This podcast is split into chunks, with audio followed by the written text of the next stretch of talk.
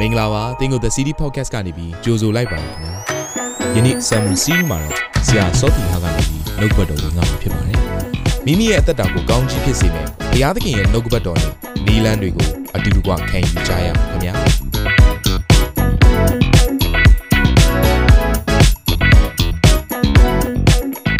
ဒီနေ့ကျွန်တော်ဝင်ငါမဲ့နှုတ်ကပတ်တော်ကတော့ဘုရားသခင်နဲ့အင်တာဗျူး နော်နောက်တစ်ခါလေးကျွန်တော်ကြိုပြီးတော့ပြောထားပါမယ်ဘုရားသခင်နဲ့အင်တာဗျူးတာဖြစ်တော့ကြောင်းမလို့နည်းနည်းတော့ကြာပါမယ်ဆိုတော့အဲ့လောက်ကြီးတော့မကြာပါဘူးเนาะမနေ့ကမကြာဘူးမလားမကြာဘူးတနားရီတော့မပြည့်ဘူးเนาะကျွန်တော်တို့အဆင်ပြေပြေပဲဆိုတော့ဒီမှာရှိတဲ့သူများအတွက်ဒီနေ့ဘုရားသခင်ကအပတ်စဉ်တိုင်းမှာเนาะနှုတ်ကပတ်တော်တွေကိုပြင်ဆင်တဲ့အခါမှာဒီတပတ်အတွက် ကျွန်တော်ခံယူရမယ့်နှုတ်ကပတ်တော်ကောင်းစဉ်ကဘုရားသခင်နဲ့အင်တာဗျူးဆိုတော့ဘုရားသခင်နဲ့အမေးဖြေလောက်တာကိုပြောတာပေါ့နော် ဆိုတော့ကျွန်တော်တို့ရဲ့အသက်တာထဲမှာမိခွန်းတွေအများကြီးရှိတယ်လေနော်အဲ့တော့မိခွန်းတွေအများကြီးရဲ့အဖြေကဘယ်ထဲမှာရှိလဲဆိုတော့ဘုရားသခင်ရဲ့အစီမှာရှိတယ်အထူးသဖြင့်ဒီနှုတ်ကပတ်ကျမ်းစာထဲမှာရှိပါတယ်နော်ကျွန်တော်တို့ကိုဘုရားသခင်အဖန်ဆင်းတယ်အဲ့တော့ဘုရားသခင်အရာခတ်သိမ်းကိုတက်ဆွမ်းတဲ့ဘုရားဖြစ်တယ်အရာခတ်သိမ်းကိုအစပြုတဲ့ဘုရားဖြစ်တယ်ဆိုတော့မိသားစုကိုလည်းသူပဲစားတယ်လူသားကိုလည်းသူပဲစားတယ်နောက်ဆုံးနိုင်ငံတည်ထောင်ဖို့အတွက်လိုအပ်တဲ့အချက်လက်တွေအစားလူလူချင်းချားထဲမှာစောင့်ထင်းရမယ့်အရာပညာချက်တွေအစားဘုရားကပဲအကုန်လုံးပေးတာနော် ဆိုတော့ဘုရားသခင်ကအတိဆုံးဖြစ်တယ်သူ့မှာအဖြစ်အကုန်လုံးရှိပြီးသားဆိုတော့ကျွန်တော်တို့ဘက်ကဘုရားသခင်စီကနေကျွန်တော်တို့အသက်တာအတွက်လိုအပ်တဲ့အဖြစ်တွေကိုလိုက်ရှာရတာဖြစ်ပါတယ်ဆိုတော့ဒီနေ့မှာတော့မာလခိနာဂတိကျမ်းတစ်ခုလုံးကိုကျွန်တော်တို့အာနော်ထဲကနေပြီးတော့မေကွန်6ခုနဲ့ကျွန်တော်တို့အမေးဖြေပေါ့နော်ဘုရားသခင်ကိုကျွန်တော်တို့မေးတယ်ဘုရားကပြန်ဖြေတဲ့အရာလေးရေးထားတဲ့အတွက်ကြောင့်မလို့ဒါဘုရားသခင်ရဲ့အင်တာဗျူးဆိုပြီးတော့ကျွန်တော်လေ့လာကြမှာဖြစ်တယ်အဲ့တော့ပထမဦးဆုံးမေကွန်အဲ့ဒါကတော့နံပါတ်1မေကွန်ကတော့ကျွန်ုပ်တို့ကိုအဘယ်သို့ချစ်တော်မူသနည်း မာလခိအနာဂတ်ကျမ်းခန်းကြီး1အငယ်2ကနေ4ကိုဖတ်ချင်ပါတယ်မေကွန်လည်းပါတယ်အဖြေလည်းပါတယ်နော်ခဏတော့ဖတ်ရအောင်အတူတကွဖတ်မယ်ထာဝရဘုရားမိန်တော်မူသောစကားဟူမူကားသင်တို့ကိုငါချစ်လေပြီအကျွန်ုပ်တို့ကိုအဘယ်သို့ချစ်တော်မူသနည်းဟုသင်တို့မေးကြလျင်အေသောသည်ယာကုပ်၏အကိုဖြစ်သည်မဟုတ်လောသို့တော်လည်းယာကုပ်ကိုငါချစ်၏အေသောကိုငါမုန်း၍သူနေသောတောင်တို့ကိုလွင်ပြင်ဖြစ်စေပြီ သူမွေခံရမြေကိုမြေခွေးတို့၌အပ်လေပြီဟုထာဝရဘုရားမိန်တော်မူ၏အေရုံမျိုးသားတို့ကငါတို့သည်ပျက်စီးတော်လဲပျက်စီးသောအရက်တို့ကိုတဖန်တိဆောက်အောင်မည်ဟုဆိုရတွင်ကောင်းကင်ဘိုးချေရှင်ထာဝရဘုရားမိန်တော်မူသည်ကသူတို့သည်တိဆောက်တော်လဲငါဖြိုပြက်မည်သူတို့ဒုစရိုက်ပြည်သားထာဝရဘုရားအစဉ်အမျက်ထွက်တော်မူသော လူမျိုးဟု၍သမုတ်ကြလိမ့်မည်ဆိုတော့ဒီကျမ်းစာလေးမှာဗာတွေ့ရလဲဆိုတော့ဘုရားခင်ကိုမေးတဲ့မေးခွန်းလေးပေါ့နော် ဘုရားခင်ကျွန်တော်တို့ကိုအဘယ်သို့ချစ်ပါသလဲလို့ဘုရားကိုမေးလိုက်တဲ့အခါမှာဘုရားရဲ့အဖြေကဘာလဲဆိုတော့အေးသောနဲ့ယာကုပ်နှစ်ယောက်ရှိတယ်မလားတဲ့အေးသောကအကိုဖြစ်တယ်ဒါပေမဲ့ငါယာကုပ်ကိုချစ်တယ်အာအဲ့ဒီနှုတ်ကပတ်တော်လေးကအရန်ကောင်းတယ်နော်အဲ့ဒီမှာအေးသောဟာယာကုပ်ရဲ့အကိုဖြစ်သည်မဟုတ်လောသို့တော်လဲအဲ့သို့တော်လဲဆိုအရာလေးကအရန်အဓိပ္ပာယ်ရှိတယ်နော်ယာကုပ်ကိုချစ်တယ်ဆိုတော့ဒီနေရာမှာ အကိုဖြစ်တယ်ဒါပေမဲ့ငါညီကိုချစ်တယ်ဆိုတဲ့သဘောကဘာကိုပြောနေလဲဆိုတော့ဘုရားသခင်ဟာ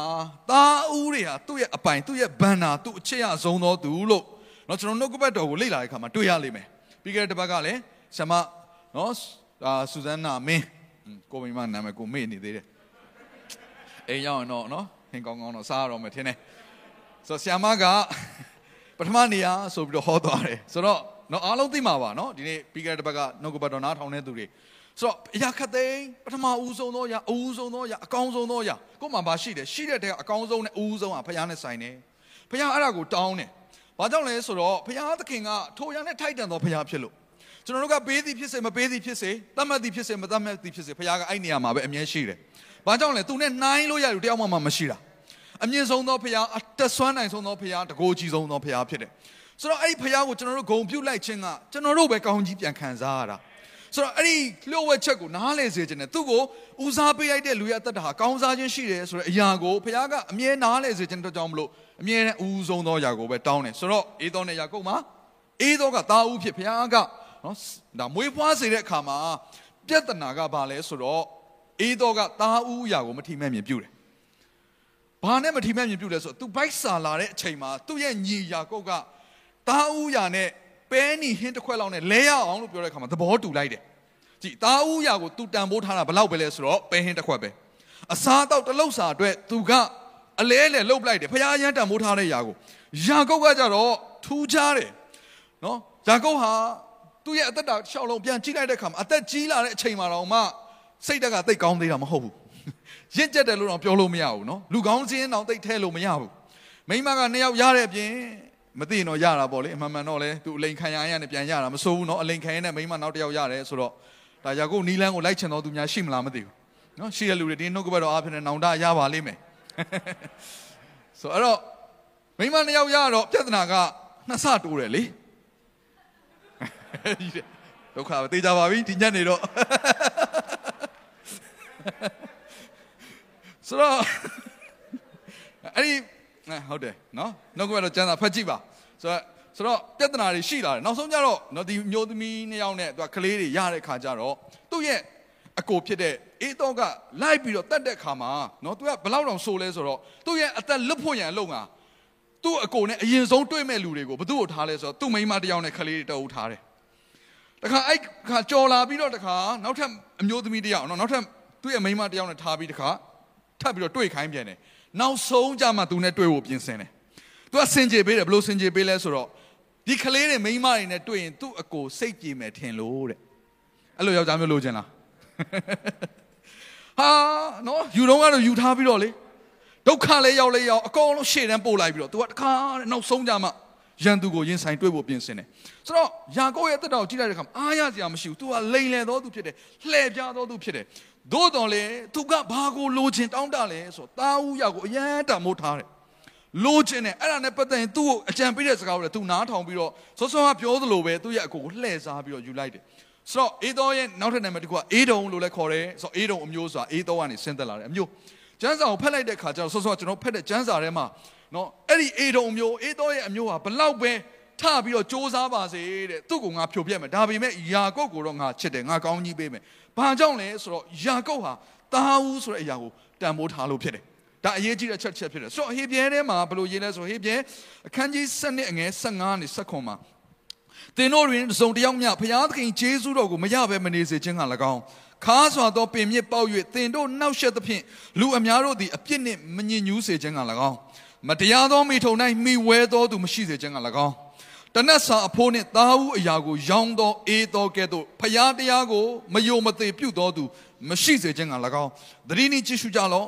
သင်တို့တည်သည့်အတိုင်းအေးသောသည်နောက်မှကောင်းကြီးမင်္ဂလာကိုအမွေခံခြင်းကအလိုရှိသောအခါညင်းပယ်ခြင်းကိုခံရ၏မျက်ရည်ကျ၍ကောင်းကြီးမင်္ဂလာကိုအလွန်ရှာတော်လဲမိမိအပိုင်စိတ်ပြောင်းလဲခြင်းအခွင့်ကိုမတွေ့ရအဲ့တော့ဘုရားသခင်ဘက်ကဘလို့တတ်မှတ်လိုက်လဲဆိုတော့ငါ့ကိုမယုံမသိပြုတယ်လို့တတ်မှတ်လိုက်တယ် သူကတော့ပဲဟင်းတစ်ခွက်စားရဖို့အတွက်တာဝူရာနဲ့လဲလိုက်တာဖြစ်ပေမဲ့ဘုရားကတော့သူတိတ်တန်မိုးထားတဲ့အဲ့အူသီးဆိုတဲ့အရာကိုနော်မယုံမသိပြုတယ်ဒါငါ့ကိုမယုံမသိပြုတာပဲလို့တတ်မှတ်လိုက်ဒါကျွန်တော်ဓမ္မသစ်ကိုပြန်ဖက်တဲ့ခါကျမှမယုံမသိပြုတယ်ဆိုအရာကိုဘုရားတတ်မှတ်ကြောင်းသဘောပေါက်တာဖြစ်တယ်ဆိုတော့ထမြောင်ကျမ်းခန်းကြီး73 71ကနေ73မှာဆိုရင်ဘယ်လိုရေးလဲဆိုရင်သင်တို့၌၎င်းဘိုးဘေး၌၎င်းကျိန်ဆိုတော်မူသည့်အတိုင်းသာဝရဘုရားသည်သင်တို့ကိုပို့ဆောင်၍ထိုပြည်ကိုပေးသနာတော်မူသောအခါသင်တို့၌ရှိသော တိရစ္ဆာန်တို့၏သားဦးအပေါင်းတို့ကိုသာဝရဘုရားအဖို့အသီးအခြားခွဲထားရကြမည်အထီးရှိသမျှတို့သည်သာဝရဘုရား၏ဥစ္စာဖြစ်ရကြမည်မြဲမ၌အူးဖွာသောမြဲတငယ်ကိုတိုးတငယ်နှင့်ရွေးရမည်မရွေးလို့လင်မြဲတငယ်လည်းပင်ကိုချိုးရမည်လူသားတို့တွင်တာဦးအပေါင်းကိုရွေးရမည်ဆိုတော့ဒီကျမ်းစာကိုကြည့်ရတဲ့အခါမှာဒါကအေဂုရုပြည်ကနေဣသရေလလူမျိုးတွေကိုဘုရားသခင်ကထုတ်ဆောင်လာတဲ့အချိန်ဖြစ်တယ်ခါနန်ပြည်ကိုပို့ဖို့ပြင်တဲ့အချိန်မှာ သူတို့လိုက်နာရမယ့်ထုံးတန်းဗောနော်လိုက်နာမယ့်ဒီပြည့်ညတ်တရားတွေကိုစပြီးတော့ပေးလာတယ်အဲ့တော့အဲ့လိုပေးလာတဲ့အထက်မှာအရေးကြီးတဲ့အရာတစ်ခုဘာပါလာလဲဆိုတော့အူသီးကိုဖယ်ရမယ်ဆိုတဲ့အရာဦးဆုံးသောသားတွေကိုဖယ်ထားမယ်အဲ့ဒါဘာဆိုငါရဲ့အပိုင်ဖြစ်တယ်လို့ဘုရားကဒီလိုမျိုးသတ်မှတ်လိုက်တယ်ဆိုတော့ဒါကဓမ္မဓမ္မတော့ကျွန်တော်တို့ကမ္ဘာဦးချမ်းတဲ့ကနေမဟုတ်ပါဘူးเนาะဒီလိုအာထွက်မြောက်အကျမ်းရောက်လာတဲ့အချိန်ထိဘုရားကဒီຢာကိုကျင့်သုံးဖို့ရဆက်ပြီးတော့ပြည့်ညတ်တရားထဲမှာထည့်လိုက်တာဖြစ်တယ် အဲ့ဒီမှာစိတ်ဝင်စားစရာတစ်ခုဘာပါလဲဆိုတော့မြဲဆိုတဲ့အရာလေးပါတယ်ဆိုတော့ဣသရေလလူမျိုးတွေကရစ်ပူဆိုတဲ့အခါမှာသူတို့တန်ရှင်းသောရစ်ကောင်ကိုပဲဘုရားသခင်ကိုရစ်ပူဆိုလေးရှိတယ်ဆိုတော့ညဉ့်ညူးသောတိရစ္ဆာန်ဆိုပြီးတော့လဲခွဲထားတဲ့တိရစ္ဆာန်ရှိတယ်အဲ့ဒီကတကောင်ကတော့ဘာတူလဲဆိုတော့ဆောဆောကျမ်းစာမှာပါတယ်မြဲဖြစ်တယ်ဆိုတော့မြဲကကြတော့သူ့ကိုရွတ်ပူစော်လို့မရဘူးဘာကြောင့်ဆိုတော့တန်ရှင်းသောရစ်ကောင်မဟုတ်လို့ဒါကြောင့်သူ့ကိုဘာလို့ဆိုတော့တတ်ပလိုက်ရတယ်โอเคအဲ့တော့ဒီပိုင်ရှင်က မြဲလေးကိုယူလာတဲ့ပိုင်ရှင်ကဒီမြဲလေးကိုငါပြန်လိုချင်တယ်အကြောင်းတစုံတစ်ခုကြောင့်လိုချင်တယ်ဆိုရင်ဒီတိုင်းယူသွားလို့မရဘူးတိုးလေးတစ်ကောင်နဲ့လာပြီးတော့လဲရတယ်ပြီးတော့မှအဲ့သိုးကိုပူဇော်လို့ရတယ်ဆိုတော့ကိုယ့်ရဲ့မြဲလေးကိုပြန်ရွေးချင်ရင်သိုးနဲ့အလဲတယ်လောက်ရတယ်အဲ့တော့ဒီနေ့ကျွန်တော်အားလုံးကိုမေးချင်ပါတယ်ဒီနေ့ညညူးတဲ့အရာမတန်ရှင်းတဲ့အရာကိုပုံဆောင်တော့ဒီမြဲလေးဟာဒီနေ့ဒီမှာထိုင်နေသောသင်နဲ့ကျွန်တော်ကိုဖော်ပြနေတာဖြစ်ပါတယ် ကျွန်တော်အားလုံးဟာညညူးသောသူတွေဖြစ်တယ်မွေးစားကပင်အပြစ်ပါတယ်ဗရိတ်တွေဆွဲစင်ကပင်အပြစ်ရှိတယ်ကျွန်တော်တို့သားသမီးတွေမွေးလာတဲ့ခါမှာမိဘတွေကဘာကိုတုံတင်ရလဲကောင်းတဲ့အရာလုပ်ဖို့တုံတင်ရသလားဆိုးတဲ့အရာလုပ်ဖို့တုံတင်ရသလားမိဘတွေဟယ်လိုကျွန်တော်တို့သင်တော့မှာအခု camp စပြီးတော့ဖွင့်ထားတယ် camp arise မကောင်းတဲ့အရာလုပ်နည်းတွေသင်ပေးမယ်လို့ထင်လား register လုပ်တယောက်မှ1000ခွဲပဲလာခဲ့ မကောင်းသောအရာတွေဘယ်လိုလုပ်ရမလဲငါတို့သင်ပေးမယ်ထင်လားလို့ကျွန်တော်တို့ဘာတွေသင်ပေးနေလဲပြောကောင်းသောအရာတွေကမိမတွေငငယ်တွေကကလေးတွေကိုဘာသင်ပေးရလဲဘာဖြစ်လို့ကောင်းတဲ့အရာတွေသင်ပေးရတာလို့မကောင်းလို့ကလေးတွေကမကောင်းတဲ့သင်တန်းကိုပို့ဘူးလားဒါပေမဲ့ဘယ်ကတက်လာလဲပြောပါကျွန်တော်တို့စီကတက်လာတယ်မိပါတယ်အနည်းဆက်ဆုံးဆိုတော့ကိုမိပါပဲရှိတာလေဆိုတော့ကိုကရောဘယ်ကနေစလာလဲ ကိုမိဘတွေစီမဟုတ်ဘူးလားဆိုတော့မကောင်းတဲ့ຢာဆိုတာကသင်တန်းပို့စရာမလိုသူကသူတင်သွားကြတာအထဲမှာကိုကအဲ့မကောင်းတာလှုပ်ချင်တဲ့ဗီဇကပါလာတာသို့တော်လည်းပဲအဲ့ဒီမကောင်းသောညစ်ညူးသောမြဲကလေးကိုပုံဆောင်တဲ့သင်နဲ့ကျွန်တော်ကိုရွေးနှုတ်ဖို့ရန်လုပ်ငါဘုရားသခင်ဒီကောင်းကင်ဘုံရဲ့အကောင်းဆုံးဖြစ်တဲ့သားဦးယေရှုခရစ်တော်ကိုတင့်အတွက်ပေးလိုက်တာဖြစ်တယ်အာမင်အာမင် ညညူးပါတယ်ဒါပေမဲ့သင်ခံရမယ့်အရာခတ်သိန်းကိုကိုယ်စားအလဲလဲလုပ်လိုက်တာဖြစ်တယ်ကျေးဇူးပြုပြီးတော့အရန်အသားဖြူတဲ့ဆရာတယောက်ရဲ့ပုံပြပေးပါဦး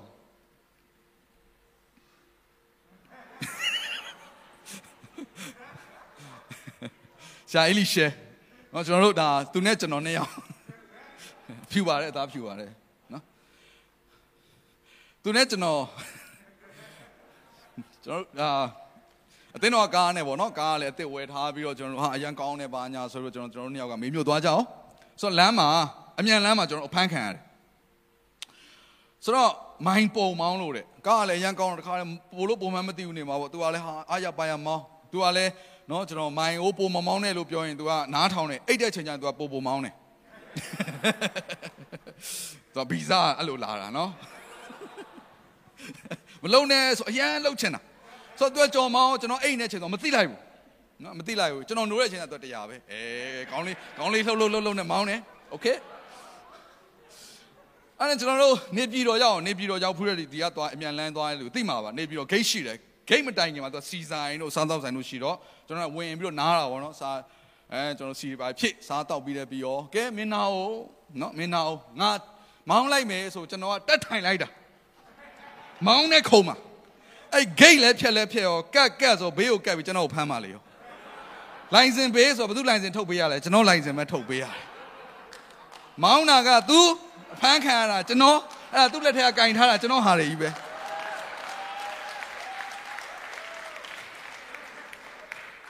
အဲ့တော့ယေရှုခရစ်တော်တင့်အတွက်ကိုစားခံတယ်ဆိုတော့အဲ့လိုပုံစံဖြစ်တယ်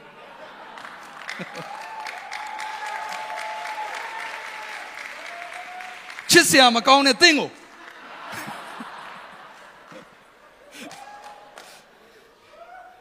အင်မတန်တန်ရှင်းမြတ်မြတ်တော်သူကကိုစားဝန်ခံလိုက်တာဖြစ်တယ်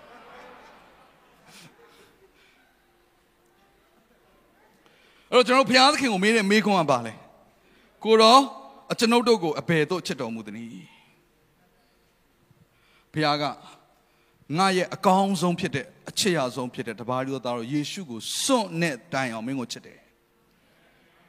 ယာကုပ်ရဲ့အသက်တာဟာမကောင်းပါဘူး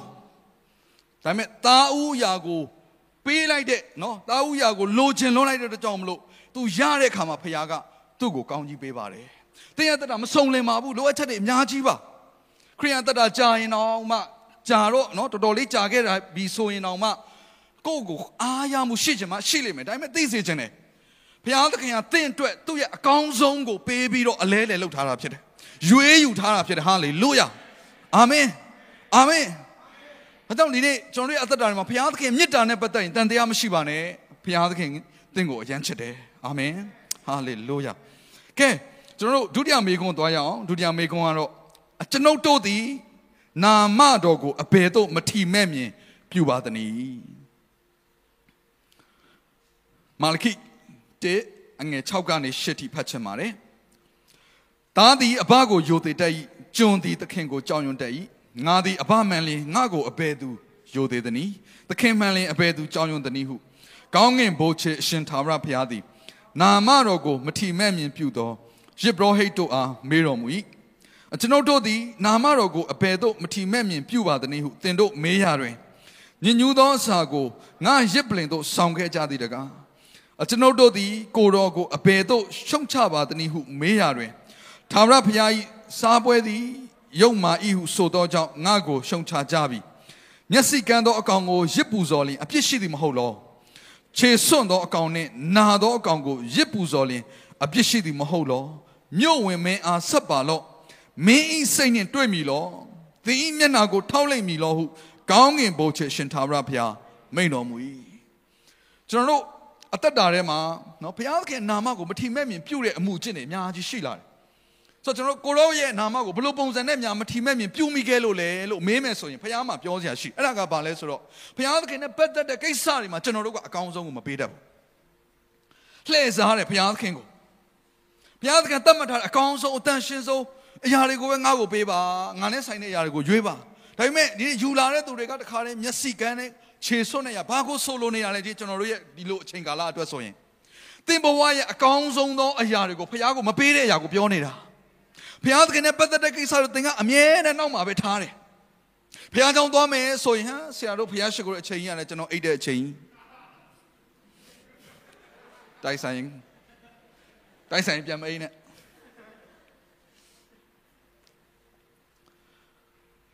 ဟာဆရာတို့ဘုရားကြောင့်လည်းဝေးလိုက်တာဝေးလို့ဘုရားကြောင့်မလာတဲ့လူတွေရှိတယ်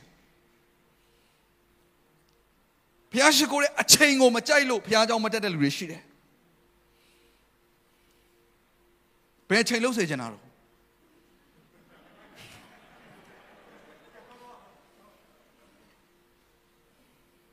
အချို့ကထိုင်ကုန်မကြိုက်တာလည်းရှိတယ်ရုပ်ရှင်ယုံမာလို့ကျွန်တော်ပေါက်ပေါက်ဆုပ်တစ်ဖက်အေးအေးတစ်ဖက်ထားလို့ရတဲ့ခွက်နဲ့ထိုင်ကုန်နေကျွန်တော်တို့ဝယ်ပြီးတက်ပေးထားရမလားကျွန်တော်ဘုရားသခင်နဲ့ပတ်သက်တဲ့ကိစ္စဆိုရင်ကျွန်တော်အမြဲတမ်းစင်ကြယ်တွေပေးလို့ရှိတယ်မနခင်ဘုရားကြောင့်သွားတော့မယ်ဆိုရင် ဖြစ်တယ်လို့ဘုရားကြောင့်သွားဖို့ပြင်တဲ့လူတွေလည်းအများကြီးရှိတယ်ကျွန်တော်မိသားစုကတော့ဆန်နေနေ့မှာဆိုရင်အိမ်ကဆင်းလာပြီဆိုရင်ဟာတခါတည်းမင်းသားမင်းသမီးတွေတကယ် Ryan မိသားစုဆင်းလာတယ်လို့ပဲနန်းတော်ကဆင်းလာတယ်လို့ပဲအကောင်းဆုံးနေဖခင်အတွက်ပေးမယ်အာမင်အဝတ်စားဝယ်ထားတဲ့ပထမဦးဆုံးစားဝယ်ရမယ့်နေရာတင်းကုန်တွေနဲ့မှတ်ထားကျွန်တော်ကလေးတို့ဒီလိုပဲကျွန်တော်ပြောတယ်အလူငွေထဲမယ်ပတ်စံတွေကအသစ်ဆုံးအရာရွေး ဟောင်းတဲ့အရာတွေအားလုံးမုံဝဲတစ်တဲ့ဟာတွေအားလုံးဘုရားကျောင်းထက်စုပ်ပြတ်နေတဲ့ဟာအားလုံးလက်ဖေးဆိုင်မှာကော်ဖီဆိုင်မှာသွားဝယ်မဟုတ်ပါအဲ့လိုမပြောပါဘူးတစ်တဲ့ဟာပဲပြောတာပါတင်မိသားစုအကောင်ဆုံးကဘာများဖြစ်မလဲကို့မှာကလေးတွေရှိတယ်ဆိုတော့၄၅ယောက်ရှိတယ်တယောက်ကဟာ10တန်းမှာ9ဘာသာ6ဘာသာထွက်ရင်ဘယ်သူကချမ်းသာကြောင်းပို့လဲ 10တန်းမောင်နဲ့ကလေးဆိုရင်လာပြီချမ်းသာကြောင်းတဲ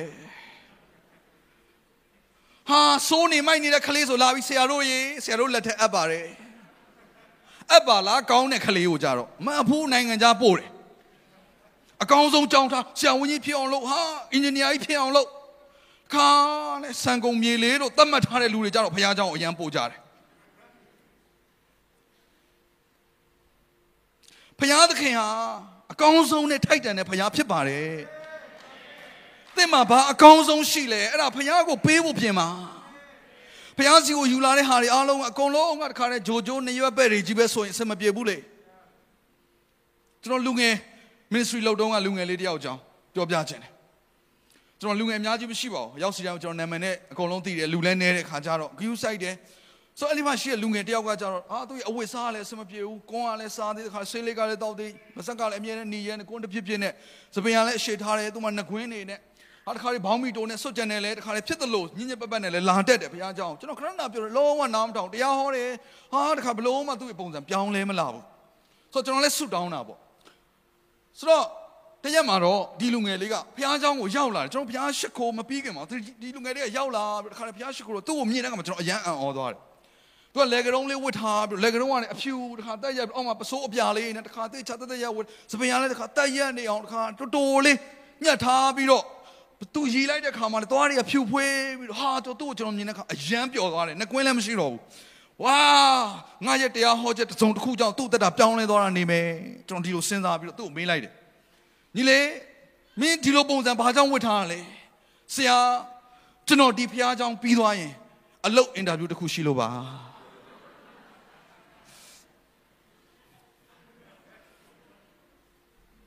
သူ့ရဲ့ဘဝတက်တာကိုပြောင်းလဲပေးလိုက်တာကတလားကိုလကတသိန်းတသိန်းခွဲလောက်ရနိုင်တဲ့အလုပ်အင်တာဗျူးဖြစ်နေတယ်။ဒါရမယ်မရဘူးဆိုတော့မသိကြသေးဘူးနော်။ကဲတဲ့ကိုတလား10သိန်းပေးမဲ့အလုပ်တစ်ခုကအင်တာဗျူးခေါ်နေဆိုရင်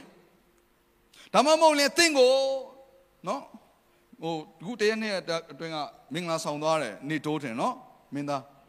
နေတိုးလားနေရော့လားနေတိုးမလားโอเคမင်္ဂလာဆောင်သွားရမလားကဲနိုင်ငံကျော်မင်းသားမင်းသမီးကမင်္ဂလာဆောင်ပွဲမှာတင့်ကိုဖိတ်တယ်ဆိုရင် သင်ဘလို့ဝစ်စားကိုဝင်မလဲသင်အလုပ်အင်တာဗျူးသွားမယ်အဲ့အလုပ်အင်တာဗျူးသင်ကိုအရန်နှစ်သက်နေတယ်သင်ကိုလိုချင်နေတယ်10သိန်းတစ်လား10သိန်းပေးမယ်ဟယ်လိုအင်တာဗျူးကလည်းတင်းတို့နေမှာခေါ်တယ်ဗျာဖျားရှိခိုးတဲ့အချိန်ကွက်တိသင်ဘလို့ဝစ်စားမျိုးကိုဝစ်ပြီးသွားမယ်ဘလို့ပုံစံမျိုးနဲ့ပြင်ဆင်ပြီးသွားမလဲမညာခြေပြောမယ်ဆိုရင်တော့သင်ရဲ့အကောင်းဆုံးကိုပြင်ဆင်ပြီးသွားမှာပဲ ဘာတွေမေးမလဲဆိုရင်မေးခွန်းတွေကိုသင်တစ်ခါမှတစ်ခါတည်းနော်ပြစ်ထားကြပြီဖြစ်တဲ့စာအုပ်တွေကိုလည်းလှန်လို့ဖတ်ရှုမှာပဲသင်အကောင်းဆုံးအလုပ် offer တစ်ခုပေးလာတဲ့ခါမှာသင်ရဲ့အကောင်းဆုံးတွေကိုပေးဖို့သင်ပြင်ဆင်မှာပဲမဟုတ်ဘူးလားဘုရားသခင်စီကိုလာတဲ့ခါကျဘာဖြစ်လို့တဆင်းနေပြီးတော့လာတာလဲအကောင်းဆုံးတွေဝတ်ထားတဲ့အချိန်မှာလူတွေကမေးကြတယ်ဟေးမင်္ဂလာဆောင်ပွဲသွားမလို့မလားလို့မေးကြတယ်ကြားဘူးလားအားလုံးကျွန်တော်တို့အကောင်းဆုံးဝတ်ထားစေမင်္ဂလာပွဲသွားမလို့လား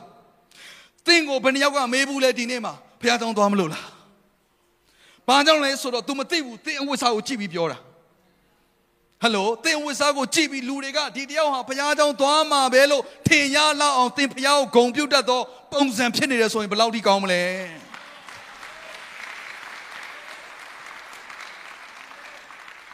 အခုတော့လမ်းထိပ်မှာပဲအတော့ဝယ်စားဖို့သွားသလိုလို့သမင်းကျော်ဆိုင်မှာပဲတငယ်ချင်းနဲ့သွားတွေ့မှာလို့လို့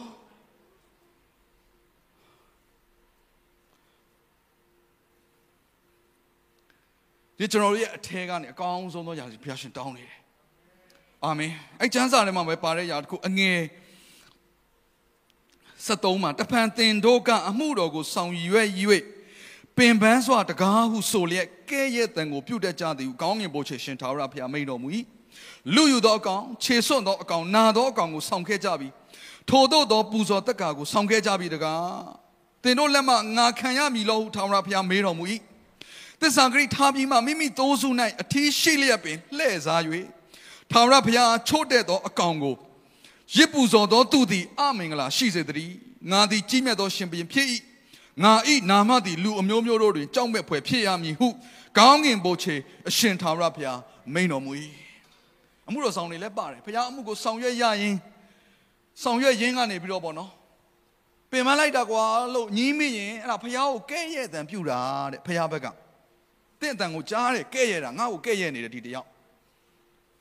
ဘုရားရဲ့အမှုတော်မြတ်နေဟာခန္ဓာအသီးသီးရှိပါလိမ့်မယ်ဆောစောကလည်းကြီးညာသွားတဲ့အထက်မှာအများကြီးပါပါတယ်နော်အာရှာတွေဆိုတော့အမှန်တော့အာရှာတွေဆိုတော့လက်ဆွဲနှုတ်ဆုကြိုကြိုဆိုရတာလေဗီဒီယိုထဲမှာကျတော့သူတို့ကတပြက်စီးရဲအမိုက်ကျုံတဲ့ဟာရဲကင်ပြီးတော့ဓာတ်ပုံရိုက်ထားတော့ဩအာရှာကတပြက်စီးနဲ့ကြိုဆိုတာလားမသိဘူးလာတဲ့လူတွေကအမိုက်မို့လို့အမိုက်ကျုံမဲ့ပုံစံများလားမသိဘူးကျွန်တော်ဗီဒီယိုကြည့်ပြီးတော့နည်းနည်းစဉ်းစားကြည့်တာပါ နော်အာရှာ ministry တို့ရေးထားတယ်ဆိုတော့ဟိုတန်ရှင်းပစ္စည်းတွေကင်ထားတော့လေအဲ့လိုမျိုးစဉ်းစားကြည့်တာပါကဲအမှုဆောင်လုပ်ငန်းမှာနှီးမျိုးစုံနဲ့ပါဝင်ကြတယ်မဟုတ်ဘူးလားဆရာဒီပြတော့ဆိုရင်ဒီလိုနေမျိုးဆိုပဲအချိန်ရောက်လဲခုနှစ်နာရီမနေ့9နာရီနောက်ဆုံးမှပြန်ရတယ်ဆိုတော့တခါတည်းကြတော့လေ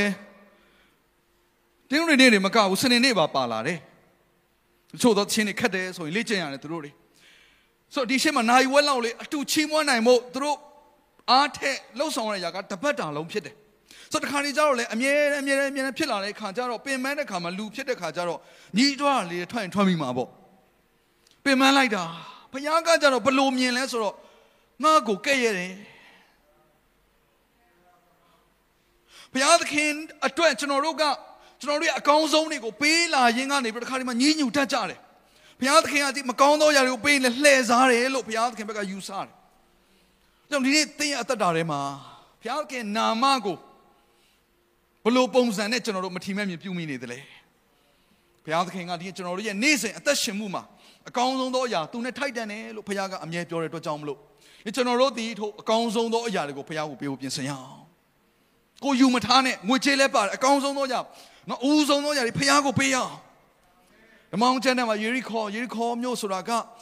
ဒီဣသရေလတိုင်းနိုင်ငံအခုဘုရားသခင်ပေးလိုက်တဲ့ခါနန်ပြည်ရဲ့ပထမဦးဆုံးသောတိမ့်ပိုက်ရတဲ့မြို့ဖြစ်တယ်သိချာနားထောင်ပါနော်ခါနန်ပြည်ဟာပထမဦးဆုံးအနိုင်ရတဲ့မြို့ဖြစ်တယ်အဲ့တော့ယောရှုမတ်စာအခန်းကြီး6နဲ့အခန်းကြီး9ကိုဖတ်ကြည့်လိုက်ရင်ဘုရားကဘာပြောလဲဆိုတော့ယေရီခေါမြို့ကိုတိမ့်ပြီးရင်တဲ့အဲ့မြို့မှာရှိသမျှအရာခတ်သိမ်းကိုကြိမ်ပြီးတော့တဲ့ငါအတွက်အကုန်ဖယ်ထားပါ ဘယ်သူမှမယူနဲ့ဟာဘုရားသခင်ကနေစရာမရှိလို့လားမသိဘူးတုံးစရာမရှိလို့တမျိုးလုံးများတိန်းတာလားမဟုတ်ဘူးမင်းတို့အဲ့ဒီမြို့ကိုမင်းတို့အပိုင်ရပြီးသွားရင်အဲ့ဒီမြို့မှာရှိသောရွှေငွေဘာရှိလဲအကုန်လုံးဟာငါဘန်နာဖြစ်တယ်ဘာဖြစ်လို့လဲပထမဦးဆုံးမြို့ဖြစ်လို့ပထမဦးဆုံးမြို့ဖြစ်လို့တော့ကျွန်တော်ပထမဆိုတဲ့အရာတွေကိုအရင်စိတ်ဝင်စားတယ် အခုဒီ Camp Arise မှာလဲကျွန်တော်သားအကြီးဆုံးဒန်နီယယ်အရန်ကြီးတော့ကျွမ်းကျင်တာတော့မဟုတ်သေးဘူးဒါပေမဲ့ तू စပြီးတော့သူ့ကိုလေ့ကျင့်ပြီးတော့တီးနိုင်ဖို့သူ့ကိုပြင်ဆင်ကနေပြီးတော့အခု Camp Arise မှာ तू ပထမဦးဆုံးစတီးတယ်ဆိုတော့ကျွန်တော်ပထမဦးဆုံးစတီးတဲ့အချိန်လည်းဖြစ်တယ်အတွက်ကြောင့်မို့ကျွန်တော်တို့ဒီဓာတ်ပုံလေးကိုရိုက်ပြီးတော့ကျွန်တော်တို့ Facebook ပေါ်မှာလည်းကျွန်တော်တင်ပြီးတော့သူ့ကိုဂုဏ်ပြုတယ်ဘုရားကျေးဇူးတော်လည်းချီးမွမ်းတယ်သူ့ကိုတင်ပေးတဲ့ဆရာတွေကိုလည်းကျွန်တော်ကျေးဇူးတင်တဲ့အကြောင်းပြောတယ်ဆရာမလည်းပြောတယ်ကျွန်တော်ရဲ့သားသမီးတွေထဲမှာသူကသားဦးဖြစ်တယ် ဆိုတော့ဘုရားရှင်နီလန်းရဆိုရင်သားဦးဟာဘုရားသခင်အတွက်ဖြစ်တယ်ဆိုတော့သူ့ကိုဘုရားသခင်မျက်မှောက်တော်ဘုရားနဲ့ချစ်ချမ်းချစ်ကျွမ်းဝင်တတ်ဖို့ဘုရားသခင်တို့သူ့ရဲ့အသက်တာထဲမှာဘာအကောင်းဆုံးလဲသူဘာကိုတတ်ထားလဲတတ်ထားတဲ့အရာနဲ့ပေးတတ်ဖို့ကျွန်တော်တို့ဘက်ကပြင်ဆင်ရတာဖြစ်တယ်အာမင်ယဒီထဲမှာအတန်အားဖြစ်ဘုရားရှင်ကောင်းကြီးပေးထားတော်သူတွေကျွန်တော်ပြောချင်ပါတယ်သင်ရဲ့အတန်နဲ့တီဆိုချီးမွမ်းခြင်းဟာဘုရားသခင်နဲ့ထိုက်တန်တယ်အဲကျွန်တော်လိုပဲရုပ်အားဖြင့် ဘုရားရှင်ကောင်းကြီးပေးထားတော်သူတွေအဲ့ဒီမှာဆိုလို့ပါကျွန်တော်လိုပဲရုပ်အားဖြင့်မှုဆောင်ကြပါအတန်ကောင်းတဲ့လူတွေကဆ iam မလိုပဲဝတ်ရှိဥဆောင်ကြပါပြောချင်တာတင့်မှာဘာအကောင်းဆုံးရှိလဲအကြီးချင်းတွေထဲမှာဘာအကောင်းဆုံးလဲဖခင်ဘာကိုတင့်ကို talent ဘာဘာအစွမ်းတတ္တိတွေပေးထားလဲအဲ့ဒါဖခင်အတွက်လေ ကျွန်တော်တို့ကအားရပါရတခါတဲ့လူပေါင်းစုံကိုတချင်းနေဆိုတီဆိုပြီးဖျော်ဖြေခဲ့ပြီးတော့မှအတန်ကနည်းနည်းအက်လာပြီးအတန်မကောင်းပြီးအသက်ကလည်းနည်းနည်းကြီးလာပြီးတော့မှအတန်တုံတုံတုံတုံနဲ့ praise and worship အဲ့ချိန်မှာဆိုကျင်ကြတယ်ကောင်းပေသည်ဝိညာဉ်ဘောခွန်အားအစွမ်းတတိရှိတဲ့အချိန်မှာအမှုဆောင်ကြပါအာမင် ကြမ်းကြမ်းမာမာရှိတဲ့အချိန်မှာအင်္ဂလိပ်သတင်းစကားတွေဟောကြစမ်းပါဘုရားသခင်တို့အသက်ရှင်ကြပါကဲပြပြနဲ့အသက်ကြီးလားအိုလာတော့အဲ့လိုပြောတော့ကျွန်တော်အိုတဲ့လူတွေကိုဘုရားအမှုတော်မဆောင်နဲ့လို့ပြောတာမဟုတ်ဘူးနော်ဒီမှာရှိတဲ့ခွန်အားဆွတ်တည်းရှိပြီးတော့ငယ်ရွယ်တဲ့သူတွေကိုကျွန်တော်တိုက်တွန်းနေတာဖြစ်တယ်ဒီနေ့ကမ်တက်တဲ့လူငယ်များသင်တို့အကောင်ဆုံးကဘာများဖြစ်မလဲဘုရားသခင်ကိုပေးဖို့ဒီနေ့ပဲပြင်ဆင်ပါအာမင်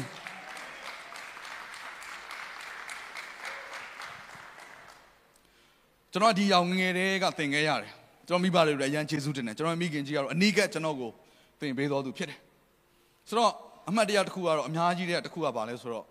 ကျွန်တော်10တန်းရောက်တဲ့ချိန်မှာအားလုံးသိပါတယ်မြန်မာပြည်ရဲ့10တန်းဖြည့်ရတဲ့ဆောင်းပွဲအချိန်တွေဆိုအင်တန်မှအချိန်ပေးရတယ်အရန်စူးစမ်းအားထုတ်ရတယ်ဆိုတော့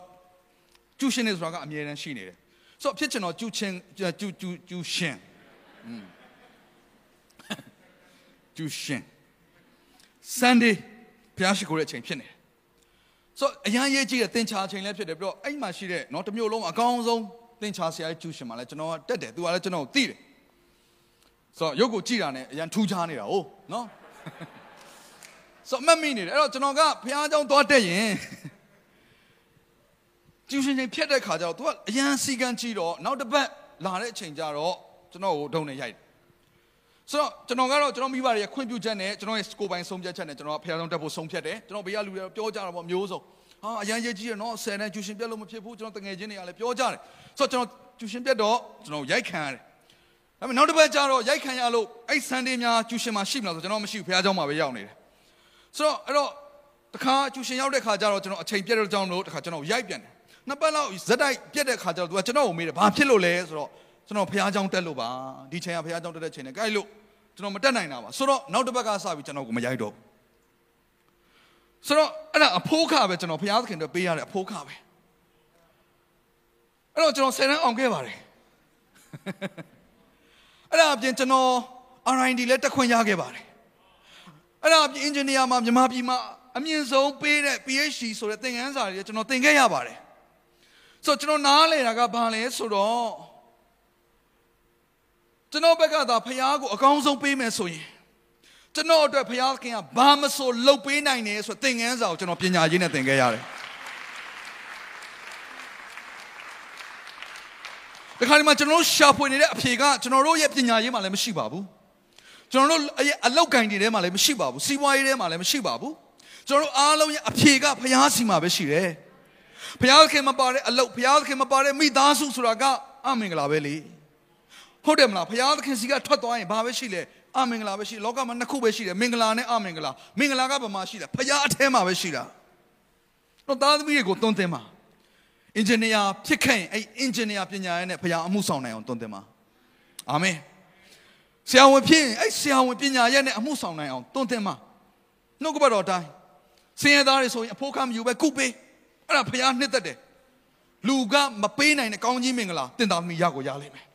တော့လောကမှာကျွန်တော်တို့ကပညာကိုကြတော့အကောင်းဆုံးပေးကြတယ်ကလေးတွေကိုအချိန်တွေအများကြီးပေးကြငွေကြေးတွေအများကြီးကုန်ခံကြတယ်ဖခင်เจ้าကို Sunday School တက်ဖို့ taxi ကကြတော့အကုန်မခံချင်ကြဘူးလိုက်မပို့ချင်ကြဘူးအခုကမ်နေလောက်တယ်မလား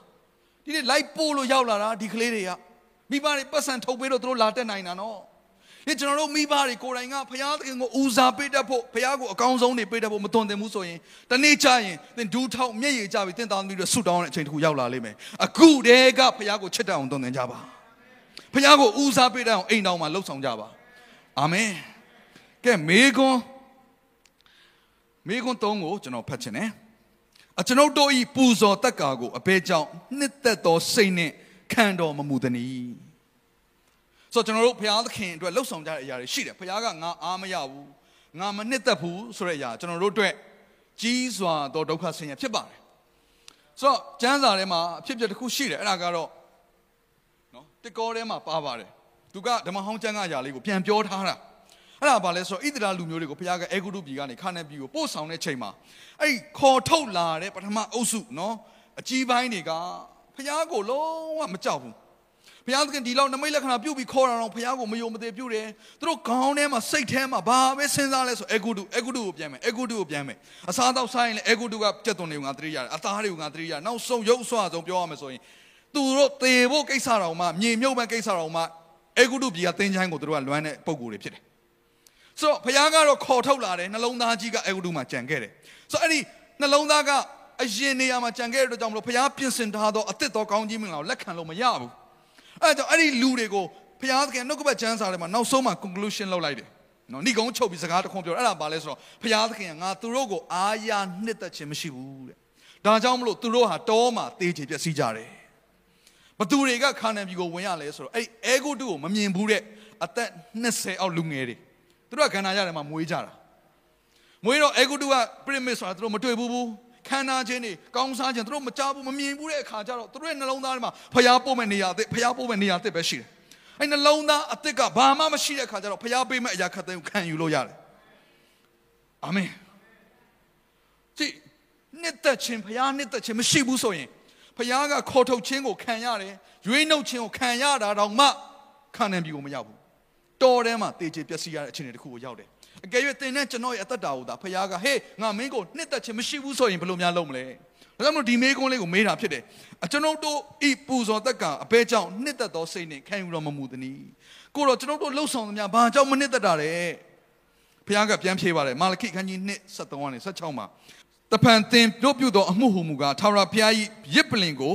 မျက်ရည်ကျခြင်းငိုကြွေးမိတမ်းခြင်းနှင့်ဖုံးအုပ်ကြပြီထို့ကြောင့်ပူဇော်တက်ကကိုမှတ်တော်မမူသင်တို့လည်းမှနှစ်သက်သောစိတ်နှင့်ခံတော်မမူ အဘယ်ကြောင့်နည်းဟုသင်တို့မေးလင်သင်သက်ပြိုစင်ခါလက်ထက်၍နောက်တစ်ဖန်သစ္စာမဆောင်ပြစ်မှားသောမယားတစ်ဖက်နှင့်သင်တစ်ဖက်၌ထာဝရဘုရားသည်တက်တည်ဖြစ်တော်မူ၏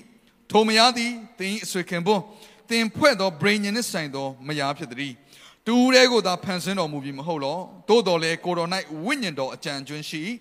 အဘဲကြောင့်တူရဲကိုသာဖန်ဆင်းတော်မူသည်ဟုမူကားဘုရားသခင်နှင့်ထိုက်တန်သောအမျိုးကိုရှာ၍ထို့သို့ဖန်ဆင်းတော်မူ၏တို့ဖြစ်၍ကိုစိတ်သဘောကိုချုပ်တီးကြလော့ အသက်ပြိုစင်ခါလက်ထက်သောမယားကိုတစ္ဆာဖြတ်၍မပြစ်မှားကြနှင့်မယားကိုစွန့်ခြင်းအမှုမိမိခင်ပွန်း၌ပြစ်မှားသောအပြစ်ကိုဖုံးအုပ်ခြင်းအမှုကိုငါမုန်းသည်ဟုဣသရေလအမျိုး၏ဘုရားခင်ကောင်းငင်ဘို့ချေရှင်သာဝရဘုရားမိန်တော်မူ၏ထို့ကြောင့်ကိုစိတ်သဘောကိုချုပ်တီးကြလော့တစ္ဆာကိုမဖြတ်ကြနဲ့ဆိုတော့ဘုရားကအဖြေတစ်ခုပဲပေးလိုက်တယ်အဲ့ဒါဘာလဲဆိုတော့မင်းတို့ကတစ္ဆာမရှိဘူး ဆိုတော့ဘာကိုတစ္ဆာမရှိဘူးလဲဆိုတော့မင်းတို့ကတက်ငယ်ရွယ်စင်မှာပြီကိုချစ်ပါတယ်ဆိုပြီးတော့ဂတိကဝတ်ဗြိဉ္ဉ်ပြုတ်ပြီးတစ်သက်လုံးပေါင်းဖော်မဲ့ကိုရဲ့မယာကိုရဲ့ခင်မွန်းတဲ့အပေါ်မှာတော့မှတစ္ဆာဖြစ်တာငါအပေါ်မှာဘယ်လိုလုပ်တစ္ဆာရှိနိုင်မှာလဲအဲ့တော့ဘုရားသခင်ကသူ့ပေါ်မှာတစ္ဆာရှိခြင်းမရှိခြင်းဆိုတဲ့အရာကိုဘာနဲ့တိုင်းတာပြန်လဲဆိုတော့ကျွန်တော်တို့ဘေးပတ်ဝန်းကျင်မှာရှိနေတဲ့လူနဲ့တိုင်းတာတယ်ဆိုတော့ကိုဘေးနားမှာရှိတဲ့ကိုနဲ့ဆက်ဆိုင်သောသူကိုမချစ်ဖဲနဲ့ဘုရားသခင်ကိုဘယ်လိုမှချစ်လို့မရဘူးဆိုတာသိကြတယ်လေဟုတ်တယ်မလားကိုနဲ့အနီးဆုံးလူတော့မှမချစ်နိုင်တာ ဘုရားကိုချစ်တယ်လို့ဘယ်လိုလုပ်ပြောနိုင်မလဲကျမ်းစာမှာလည်းဒီလိုပဲယေရှုကပြောတာပဲအဲ့တော့ကိုအနီးဆုံးမှာရှိတာဘာတူလဲအိမ်တော်တဲ့တွေကဲကိုအနီးဆုံးမှာရှိတာဘာတူလဲကိုရဲ့ဇနီးတဲ့ခင်မွန်းတဲ့ပဲအဲ့တော့ဒီနှုတ်ကပတ်ချမ်းစာဘာကိုပြောနေလဲဇနီးတဲ့ခင်မွန်းတဲ့ရှေ့ရသားနဲ့ဖောက်ပြန်တော်သူတွေကိုပြောနေတာဖြစ်တယ်ဆိုဣသရေလလူမျိုးတွေကဒီသဘောပဲဖယားကသူတို့ကိုမင်းတို့ဟာမင်းဟာငါရဲ့အပိုင်ဖြစ်တယ်ငါရဲ့ဘန်နာဖြစ်တယ်ငါဟာမင်းတို့ရဲ့ခင်မောတဲ့ဖြစ်တယ်ဆိုတော့ပုံစံနဲ့အေဂုတုကခေါ်ထုတ်သွားတာ အေဂုတုကခေါ်ထုတ်သွားပေမဲ့ဣသရေလလူမျိုးတွေကဘသူ့ကိုပဲဆွဲလန်းနေလဲဆိုတော့အဲ့ဖာရောမင်းကိုပဲဆွဲလန်းနေတာလိုက်လားဆိုတော့လိုက်တယ်အထက်ကနေဖောက်ပြန်နေတာဒါကိုပြောနေတာအားမရဘူးငါချစ်တာတော့ချစ်တယ်ပေါင်းတာတော့ပေါင်းနေတယ်လိုက်လားဆိုတော့လိုက်နေတယ်ဒါပေမဲ့ဖောက်ပြန်နေတယ် မင်းတို့မှသစ္စာမရှိကြဘူးအဲ့တော့ဘာဖြစ်လဲငိုကြွေးခြင်းတွေဘာမှအသရေမရှိတဲ့အသက်တာကြီးဖြစ်နေတယ်အသရေမရှိတဲ့လှုပ်ဆောင်မှုတွေဖြစ်နေတယ်သစ္စာမရှိတဲ့ဆုံးဖြတ်ချက်တွေခြေလန်းတွေဖြစ်နေတယ်ဒါကြောင့်မလို့မင်းတို့လှုပ်ဆောင်ကြမင်းတို့ပူဇော်တဲ့ຢာအားလုံးငါမနှစ်သက်ဘူးငါလက်မခံဘူးတဲ့ညတဲ့ရဲ့အသက်တာထဲမှာဘုရားရှင်နောက်ကိုလိုက်ဖို့ရန်အတွက်တကယ်ပဲစိတ်ဆုံးဖြတ်ချက်ချပြီးပြီလားဒီနေ့ပဲဖခင်နောက်ကိုလိုက်ဖို့ဆုံးဖြတ်ချက်ချပါအာမင်အာမင်နေ့သူပြင်မိသားစုတွေအိမ်အောင်တဲ့တွေ သမီးစားရှိလက်ရှိရှိနေတော်သူတွေအိမ်အောင်ပြုတ်မဲ့သူများအားလုံးကိုကျွန်တော်သတိပေးခြင်းနဲ့သူပြင်ဒီမှာနော်လူငယ်ကန့်ကန့်မှာတက်နေကြတော့ဒါတွေသမီးတွေရှိတဲ့အတွက်ကြောင့်မလို့သင်တို့ကသမီးစားထားတော့မယ်ဆိုရင်အရင်ဆုံးစဉ်းစားမယ်ငါဘယ်တော့မင်္ဂလာဆောင်မလဲဆိုတာအရင်ဆုံးစဉ်းစားပြီးရင်အဲ့ဒီအဲ့ဒီအချိန်ကာလလေးနဲ့ပြန်ပြီးတော့ချိန်အောင်နည်းနည်းနော်အဲ့ဒီအချိန်ကာလက9နှစ်ထက်တော့ပိုပြီးတော့မများသင့်ဘူးလို့ကျွန်တော်အတွေ့အကြုံရကျွန်တော်ပြောခြင်းတယ်ကျွန်တော်လေ့လာမှုတွေရလည်းပြောခြင်းတယ် relationship တခုကအသက်နော်ဒီအချိန်ကာလ9နှစ်လောက်ကျော်လာပြီဆိုရင်အေးခဲသွားတဲ့သဘောရှိတယ်။ဘာကြောင့်9နှစ်အတော်အတွင်းမှာတယောက်ကြောင့်တယောက်ကတော်တော်သိသွားကြပြီလေ။ဆိုတော့မကျင်တဲ့တာတွေလည်းပေါ်လာပြီ။အားနဲ့ချက်တွေလည်းပေါ်လာပြီဆိုတော့ငါတို့လမ်းခွဲရင်များကောင်းမလားဆိုတဲ့ဟာလေးကလည်းအလိုလိုအဲ့ဒီ9နှစ်တာတော်အတွင်းမှာပေါ်လာတတ်တယ်။ဒါကြောင့်မလို့ကိုကအခုရည်စားထားမယ်ဆိုရင်အလွန်ဆုံး9နှစ်လောက်အတွင်းမှာငါမင်္ဂလာဆောင်မယ်ဆိုတော့အချိန်သင်ဆုံးဖြတ်ပြီးပြီဆိုမှရည်စားထားဖို့ပြင်ဆင်ပါအခုကျတော့အဲ့လိုမဟုတ်ဘူး အသက်ကမပြည့်သေးဘူးမျက်စောင်းလေးကထိုးနေပြီထိုးလို့ရပါတယ်ဒါပေမဲ့ relationship ထီတော့မသွားနဲ့ဘူးရင်ခုန်တာတားလို့မှမရတာကိုတွေ့ကိုပြောတာပါ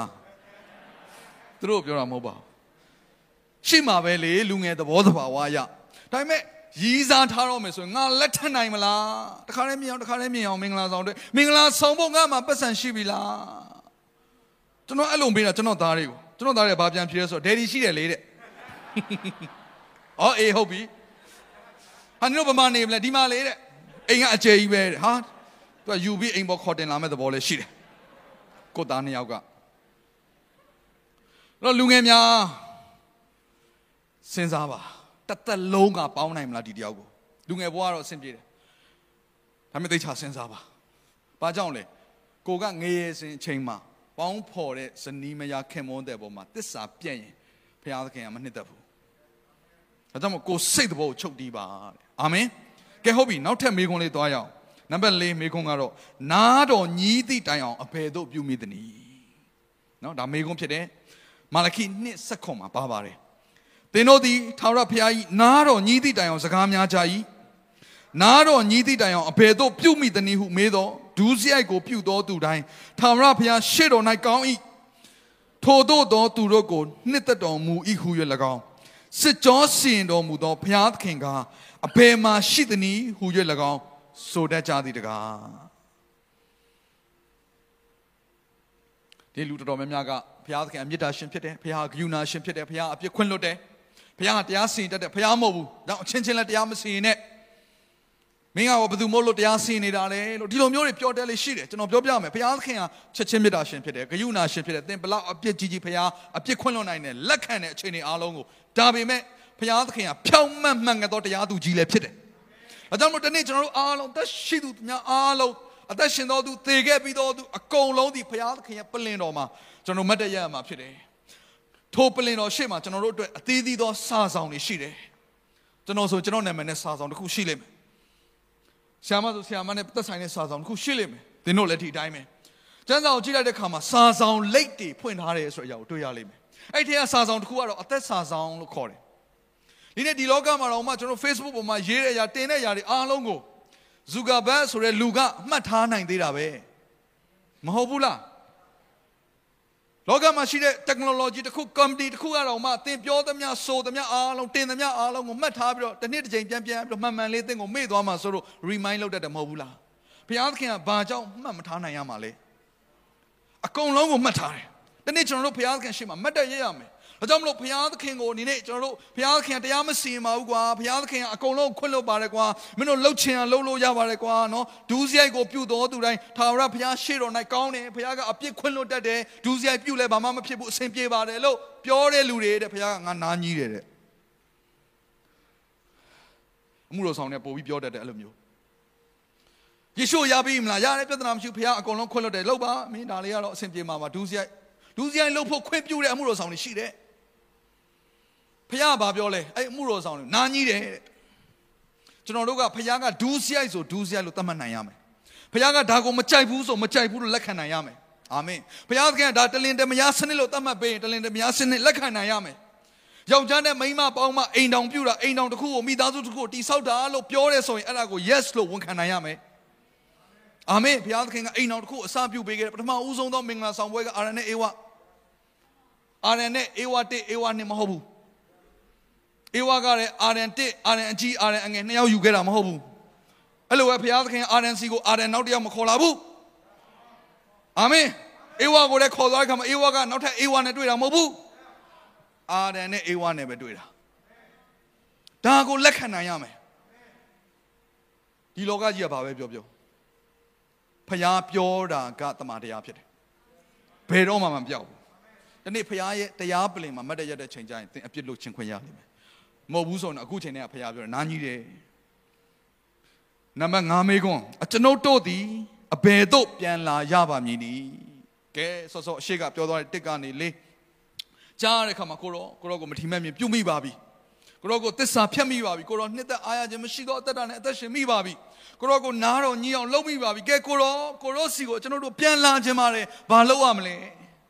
မိကွန်းအဲ့ဒါဖြစ်တယ်ကျွန်တော်တို့ဒီအပေတို့ပြန်လာရပါမည်နီ ကျမ်းစာကမာလခိ3ခုနှစ်ကနေ9မှာရှိပါတယ်ဘိုးဘေတို့လက်ထက်မှာစာ၍သင်တို့သည်ငါစီရင်ထုံးဖွဲ့ချက်တို့ကိုမဆောင်တိမ်းရှောင်ကြပြီငါထံသို့ပြန်လာကြလော့ငါသည်လည်းသင်တို့စီသို့ပြန်လာမည်ဟုကောင်းကင်ဘိုးချေအရှင်ထာဝရဘုရားမိန့်တော်မူ၏အကျွန်ုပ်တို့သည်အဘယ်သို့ပြန်လာရပါမည်နည်းဟုသင်တို့မေးကြသည်တကားလူသည်ဘုရားသခင်ဥစ္စာတော်ကိုလူယူရမည်လောသို့တော်လည်းသင်တို့သည်ငါဥစ္စာကိုလူယူကြပြီအ ကျွန်ုပ်တို့သည်အဘယ်သို့လူယူပါသနည်းဟုသင်တို့မေးလင်ဆယ်ဖို့တပုတ်ကို၎င်းပူဇော်တက်ကာတို့ကို၎င်းလူယူကြပြီသင်တို့သည်ကြိမ်ချင်းအမင်္ဂလာကိုခံရကြ၏အကြောင်းမူကားပြည်သူပြည်သားအပေါင်းတို့သည်ငါဥစ္စာကိုလူယူကြပြီဆယ်ဘိုးတဘိုးရှိသမျှကိုဘန္နာတိုက်ထဲသို့တွင်း၍ငါအိမ်တော်၌စားစရာရှိစေခြင်းကပြုကြလောဆိုတော့ဆယ်ဘိုးတဘိုးနဲ့ပတ်သက်သမျှကိုကျွန်တော်ကြည့်လိုက်တဲ့ခါတိုင်းမှာဖះကိုပေးတာမဟုတ်ဘူးသူကယူလာတာဖြစ်တယ်အင်္ဂလိပ်လိုဆို bring give မဟုတ်ဘူး give ဆိုတာကနော်မရှိလို့ပေးတာဖြစ်နိုင်တယ် နော်တနာလို့ပေးတာဖြစ်နိုင်တယ်ဘုရားသခင်ကကျွန်တော်တို့ကအဲ့လိုမဟုတ်ဘူးစေနာရှိလို့ပေးတာလည်းမဟုတ်ဘူးတနာလို့ပေးတာလည်းမဟုတ်ဘူးဘုရားမသုံးစရာမရှိလို့ပေးတာလည်းမဟုတ်ဘူးဘုရားရဲ့ဥစ္စာမို့လို့ဘုရားစီကိုယူလာတာဆိုမေးကြတယ်ဘလို့ပုံစံနဲ့ကိုရောစီကိုပြန်လာလို့ရမလို့ဆိုဘုရားကအံ့ဩစရာပဲသူကဘာနဲ့ပြောဆိုတော့ဟေးဒီနီလန်းနဲ့ပြန်လာလို့ရတယ်အဲ့နီလန်းကဘာလဲဆိုတော့ငွေကြေးဖြစ်တယ်ငွေကြေးအပြင်ဘုရားစီကိုပြန်လာလို့ရတယ်ဘာကြောင့်လဲသိလား ဘုရားသခင်ရဲ့တရားလမ်းကထွက်သွားတဲ့လူတွေအားလုံးရဲ့နှလုံးသားကဘယ်မှာရှိလဲဆိုတော့သူတို့ရဲ့ဥစ္စာထဲမှာပဲရှိတယ်ယေရှုခရစ်တော်ကလူငယ်တစ်ယောက်နဲ့တွေ့တယ်ဒီလူငယ်ကကြွယ်ဝချမ်းသာတယ်ပညာလည်းတက်တယ်သူဟာအကျင့်တရားအားလုံးကိုစုံအောင်ကျင့်ခဲ့ပြီးတော်သူဖြစ်တယ်အရာရှိတစ်ယောက်လည်းဖြစ်တယ်ယေရှုခရစ်တော်နဲ့တွေ့တဲ့အချိန်ကျတော့ကိုတော့ကျွန်တော်ကယ်တင်ခြင်းရဖို့ကောင်းကင်နိုင်ငံရောက်ဖို့ဘာလုပ်ရမလဲဘုရားသခင်ကပြောတယ်ယေရှုခရစ်တော်ပြောတယ်အားလုံးကိုပညာတိအားလုံးအကုန်လုံးကျင့်ပြီးပြီလားအကုန်လုံးကိုငယ်စဉ်ကတည်းကအကုန်ကျင့်ပြီးသွားပြီ သူဟာအရာခတ်သိမ်းမှာပြည့်စုံတော်သူဖြစ်တယ်ဒါနဲ့ယေရှုခရစ်တော်တခုတော့ကြံသေးတယ်အဲ့ဒါကတော့မင်းအခုရှိတဲ့ဥစ္စာပစ္စည်းအားလုံးကိုရောင်းပြီးတော့ဆင်းရဲသားတွေကိုပေးပြီးငါနောက်ကိုလိုက်ခဲ့ပါကျမ်းစာကဘာပြောလဲဆိုတော့ဒီလူငယ်ဟာဝမ်းနေတဲ့စိတ်နဲ့ထွက်သွားတယ်သူကဘလောက်ပဲပြည့်စုံပြီးတော့ဘလောက်ပဲပြည့်ညတ်တရားကိုကျင့်ထားတော်သူဖြစ်ပါစေသူနှလုံးသားကတနေရာထဲမှာပဲရှိတယ်အဲ့ဒါငွေကြေးဖြစ်တယ်သူ့ရဲ့ပိုင်ဆိုင်မှုဥစ္စာဖြစ်တယ်ဒါကြောင့်ယေရှုကသူ့နှလုံးသားကိုတောင်းလိုက်တာသူ့နှလုံးသားကိုမပေးနိုင်ဘူး အခုကျွန်တော်တို့ဘုရားသခင်စီကိုပြန်လှည့်လာတော့မယ်ဆိုကျွန်တော်တို့နှလုံးသားတွေကဘယ်မှာရှိနေတာလဲအောင်မြင်ခြင်းထဲမှာရှိနေတယ်ကျွန်တော်တို့ငွေကြေးချမ်းသာကြွယ်ဝခြင်းဆိုကျွန်တော်တို့ဖြစ်ခြင်းတဲ့အရာတွေထဲမှာရှိနေတယ်အခုဘုရားသခင်မဟုတ်ဘူးအဲ့ဒီအထဲကနေအခုမင်းမင်းလှုပ်ထားတယ်မင်းရှာဖွေထားတယ်မင်းပိုင်ဆိုင်ထားတယ်မင်းသိချစ်ပါတယ်ဆိုတော့သင်မျက်နှိုးပါတယ်ဆိုတော့အဲ့ဒီအထဲကနေဟေးဆယ်ဖို့တဖို့အကောင်းဆုံးသောအရာအဦးဆုံးသောအရာတွေကိုအရင်ဆုံးငါစီကိုယူလာခဲ့ပါဘုရားကျွန်တော်နှလုံးသားကိုတောင်းနေတာ ကြည်လိုက်ရင်တော့ငွေချေးကိုအလူငွေထည့်ခိုင်းတဲ့ပုံစံပဲတကယ်တော့နှလုံးသားကိုတောင်းတာဖြစ်တယ်အာမင်ကျွန်တော်တို့ရဲ့တက်တာတွေမှာဖခင်ကိုနှလုံးသားပေးနိုင်အကုန်ပေးနိုင်တယ်နှလုံးသားမပေးနိုင်တော့အိုးဆယ်ပုံပုံတပုံတောင်မှနှမျောတဲ့စိတ်ကရှိနေတာဖခင်ကဘာပြောလဲဆိုမင်းတို့ကတခိုးတမရတွေပဲကွာတဲ့ကိုရောစီကိုဘယ်လိုပြန်လာရမလဲဖခင်ကိုမေကုန်းမေးတာဖခင်တခိုးတမရတွေတဲ့ကဲဘယ်လိုပြန်လာမလဲဆယ်ပုံတပုံ တင်းရဲ့ပိုင်ဆိုင်မှုတွေကနေပြီးတော့အဲ့တော့ဆယ်ဘိုးဘိုးထည့်ရတဲ့ပတ်သက်ပြီးတော့ကျွန်တော်ဒီနေ့အနှဲငယ်နော်အာပြောပြချင်တယ်နော်ချို့ကအဦးသီးနဲ့ဆယ်ဘိုးဘိုးနဲ့ပတ်သက်ပြီးတော့ဝန်တုပ်ရှိတော်သူတွေရှိတဲ့အတွက်ကြောင့်မလို့ဆိုတော့ကျွန်တော်ကိုအာ Messenger ကနေလှမ်းပြီးတော့မေးတဲ့ယုံကြည်သူတယောက်ရှိတယ်ဆိုတော့ဒီယုံကြည်သူကကျွန်တော်နှုတ်ကပတ်တော်လေးကြားတဲ့အခါမှာသူအရန်ဆယ်ဘိုးအဦးသီးထည့်ချင်တယ်ဆိုတော့အဦးသီးထည့်ချင်တဲ့အခါကျတော့သူကကျွန်တော်ကိုမေးတယ်ဆရာကျွန်မအဦးသီးထည့်ချင်တယ်ဒါပေမဲ့ကျွန်မအဦးသီးကဒီလမှာဒါဒီ January လပေါ့နော်နှစ်စပြတော့ January လကျွန်မလငါထုတ်လို့ဒါအကုန်လုံးပေးလိုက်ရင် ကျမသုံးစရာဘာမှမရှိတော့စားစရာလည်းဘာမှမရှိတော့ဘူးကျမပေးလဲပေးချင်တယ်အဲ့ဒီတော့သူကပြောတယ်အရစ်ကြပေးလို့ရလားတဲ့ကျွန်တော်လည်းအရန်ပြန်ဖြေချင်တာအတိုးတော့ပေးရမယ်နော်ဒါမှမဖြေလိုက်ပါဘူးနော်ဘလော့သွားမှာဆိုလို့ဆိုတော့ကျွန်တော်ဘာပြောလဲဆိုတော့သူ့ကိုလာကထုတ်လာရင်ဘာတပြားတစ်ချက်မှမဖယ်ပဲနဲ့မသုံးသေးပဲနဲ့ပထမဦးဆုံးသောဆယ်ပုံပုံတပုံကိုဖယ်ထားလိုက်ပါအဲ့ဒါဟာအဝူသည်ဖြစ်တယ် လာတိုင်းမှာအဲ့ဒီလိုပုံစံနဲ့လုပ်ပါဘုရားသခင်နှစ်သက်တော်ရစ်ဖြစ်ပါတယ်လို့သူ့ကိုကျွန်တော်ပြန်ပြောတယ်တော့ကျွန်တော်ပြောပြမယ်ဘုရားသခင်ကပထမနေရာမှာထားဖို့ထိုက်တန်တယ်ဘုရားသခင်အကောင်းဆုံးနဲ့လည်းထိုက်တန်တယ်ဘုရားသခင်ဂုံပြုတ်ဖို့လည်းထိုက်တန်တယ်ဟာလေလုယာဘုရားသခင်ကျွန်တော်တို့ရဲ့နှလုံးသားနဲ့မကရှိသမျှအရာခတ်သိမ်းကိုပေးဖို့လည်းထိုက်တန်တယ်ဘုရားဖြစ်တယ်ဒါကြောင့်မလို့ဒီနေ့ဘုရားသခင်ရဲ့ဘန်နာဖြစ်တဲ့ဆယ်ဘိုးတို့နဲ့အစာပြုရအောင်ဘုရားစီကိုငွေချေးကိုအသုံးပြုပြီးတော့ကျွန်တော်နှလုံးသားတွေကိုပေးပြီးတော့ပြန်လာရအောင်အာမင် ဟာလေလုယာအဲ့တော့ကျွန်တော်ဆယ်ဘိုးတို့နဲ့ပတ်သက်ပြီးကျွန်တော်အများကြီးပြောတဲ့ဇလန်းတွေကကျွန်တော်ဒီဇလန်းလေးကိုတော့အနေငယ်ပြောပြခြင်းအရန်ကောင်းလို့ဖြစ်တယ်ဟေဇဂိမင်းကြီးတခါမှကျွန်တော်ဒီဇလန်းကိုဆယ်ဘိုးတို့နဲ့ပတ်သက်ပြီးတော့မပြောခဲ့ဘူးဒါပေမဲ့ဒီနေ့မှာတော့ကျွန်တော်ဒီဟာလေးကိုပြောခြင်းနဲ့ရာဇဝင်ကျုပ်ဒုတိယစာဆောင်နော်အခန်းကြီး29 30 31 32အဲ့ဒီမှာဘု து အကြောင်းပါလဲဆိုတော့ဟေဇကိမင်းကြီးအကြောင်းပါတယ်ဆိုတော့ဟေဇကိမင်းကြီးရဲ့ဖခင်ကကြတော့အာခတ်မင်းကြီးလို့ခေါ်တယ်အရန်ဆိုးတယ်ဘယ်လောက်ထိဆိုးလဲဆိုတော့သူဟာတဲ့ဖခင်ကသူ့ကိုနော် သူ့စီကိုပြန်လှည့်လာဖို့ရန်တခါတည်းသူ့ကိုဒုက္ခဆင်းရဲနဲ့တွေ့ကြုံပြီးတော့ပြုတ်ပြင်းတဲ့အချိန်မှာတော့မှ तू ကဘာဖြစ်လဲဆိုတော့ဒုက္ခဆင်းရဲခံစားရတဲ့အခါမှာတော့မှ तू ကပို့ပြီးတော့ဒူးစရိုက်ကိုပြုတ်တော်သူဖြစ်တယ်တဲ့ကျွန်တော်ဒီကျမ်းစာလေးဖတ်ချင်တယ်နော်အာခက်က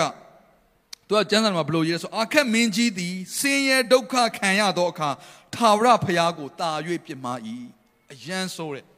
ဆိုတော့ဟာရုပ်တုစင်တူနဲ့ဆိုင်တဲ့အရာတွေတခါတည်း ဟိုဗိမာန်တော်မှာဆိုတဲ့အမိုက်ပုံဖြစ်နေတယ်တခါဗိမာန်တော်ဆိုင်တဲ့ပစ္စည်းအားလုံးလည်းအကုန်လုံးကသူ့အတွက်အကုန်လုံးသုံးထားဆိုတော့တနိုင်ငံလုံးကအမင်္ဂလာတက်ရောက်ပြီးတော့ဣသရေလတိုင်းပြည်တစ်ခုလုံးကဆင်းရဲတွင်းကိုရောက်သွားပြီ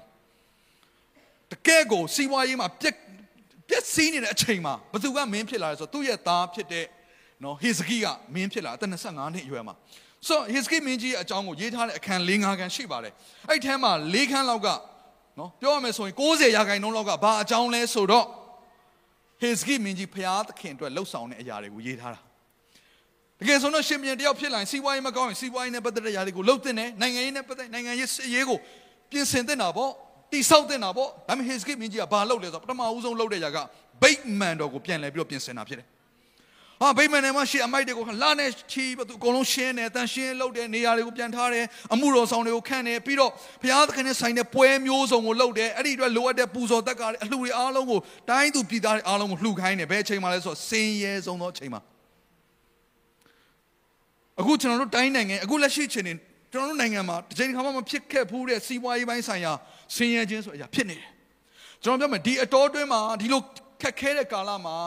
သင်အရှိကိုဆက်နိုင်ဖို့ဆိုတာကဖရာသခင်ရဲ့မင်္ဂလာကျေးဇူးပြုခြင်းမရှိဘဲနဲ့မလွယ်ဘူးနော်ကြိုးစားရင်ကြိုးစားချိန်ရောက်တော့သင်ပင်ပန်းလာမှာပဲဒါပေမဲ့ဖရာရဲ့မျက်နှာသာပေးခြင်းနဲ့မင်္ဂလာရှိရင်တော့ဘယ်အချိန်မဲဖြစ်ဖြစ်သင်မတည့်ရနိုင်မယ်ခိုင်ခန့်နိုင်မယ်အာမင်ဆိုတော့ဟေဇကိမင်းကြီးကဒါကိုသဘောပေါက်ပုံရတယ်သူကစီးပွားရေးကိုအရင်မလုပ်ဖရာနဲ့ဆိုင်တဲ့ကိစ္စတွေကိုအရင်လုပ်တယ်ဗိမာန်တော်နဲ့ဆိုင်တဲ့ကိစ္စတွေအရင်လုပ်ပြီးတော့တခါတည်းကဲ တို့တိုးငယ်ယူလာခဲ့နွားငယ်ယူလာခဲ့ဟာဟိုဆင်းရဲရတဲ့အထက်သိရမလားတိုင်းသူပြည်သားတွေကိုကြည်လိုက်တော့တကယ်ကိုညင်ပန်နှိပ်စက်နေသလိုပဲပွဲတစ်ခုပြီးတစ်ခုလောက်တယ်တစ်ခုလည်းမဟုတ်ဘူးနှစ်ခုလည်းမဟုတ်သုံးခုလည်းမဟုတ်လှုပ်လှုပ်လှုပ်လှုပ်တခါလာပေါင်းများဆိုလှုပ်လာရင်ကနေပြီးတော့တတရလာကိုရောက်လာတယ်ပြီးသွားတော့ဆိုမပြီးဘူး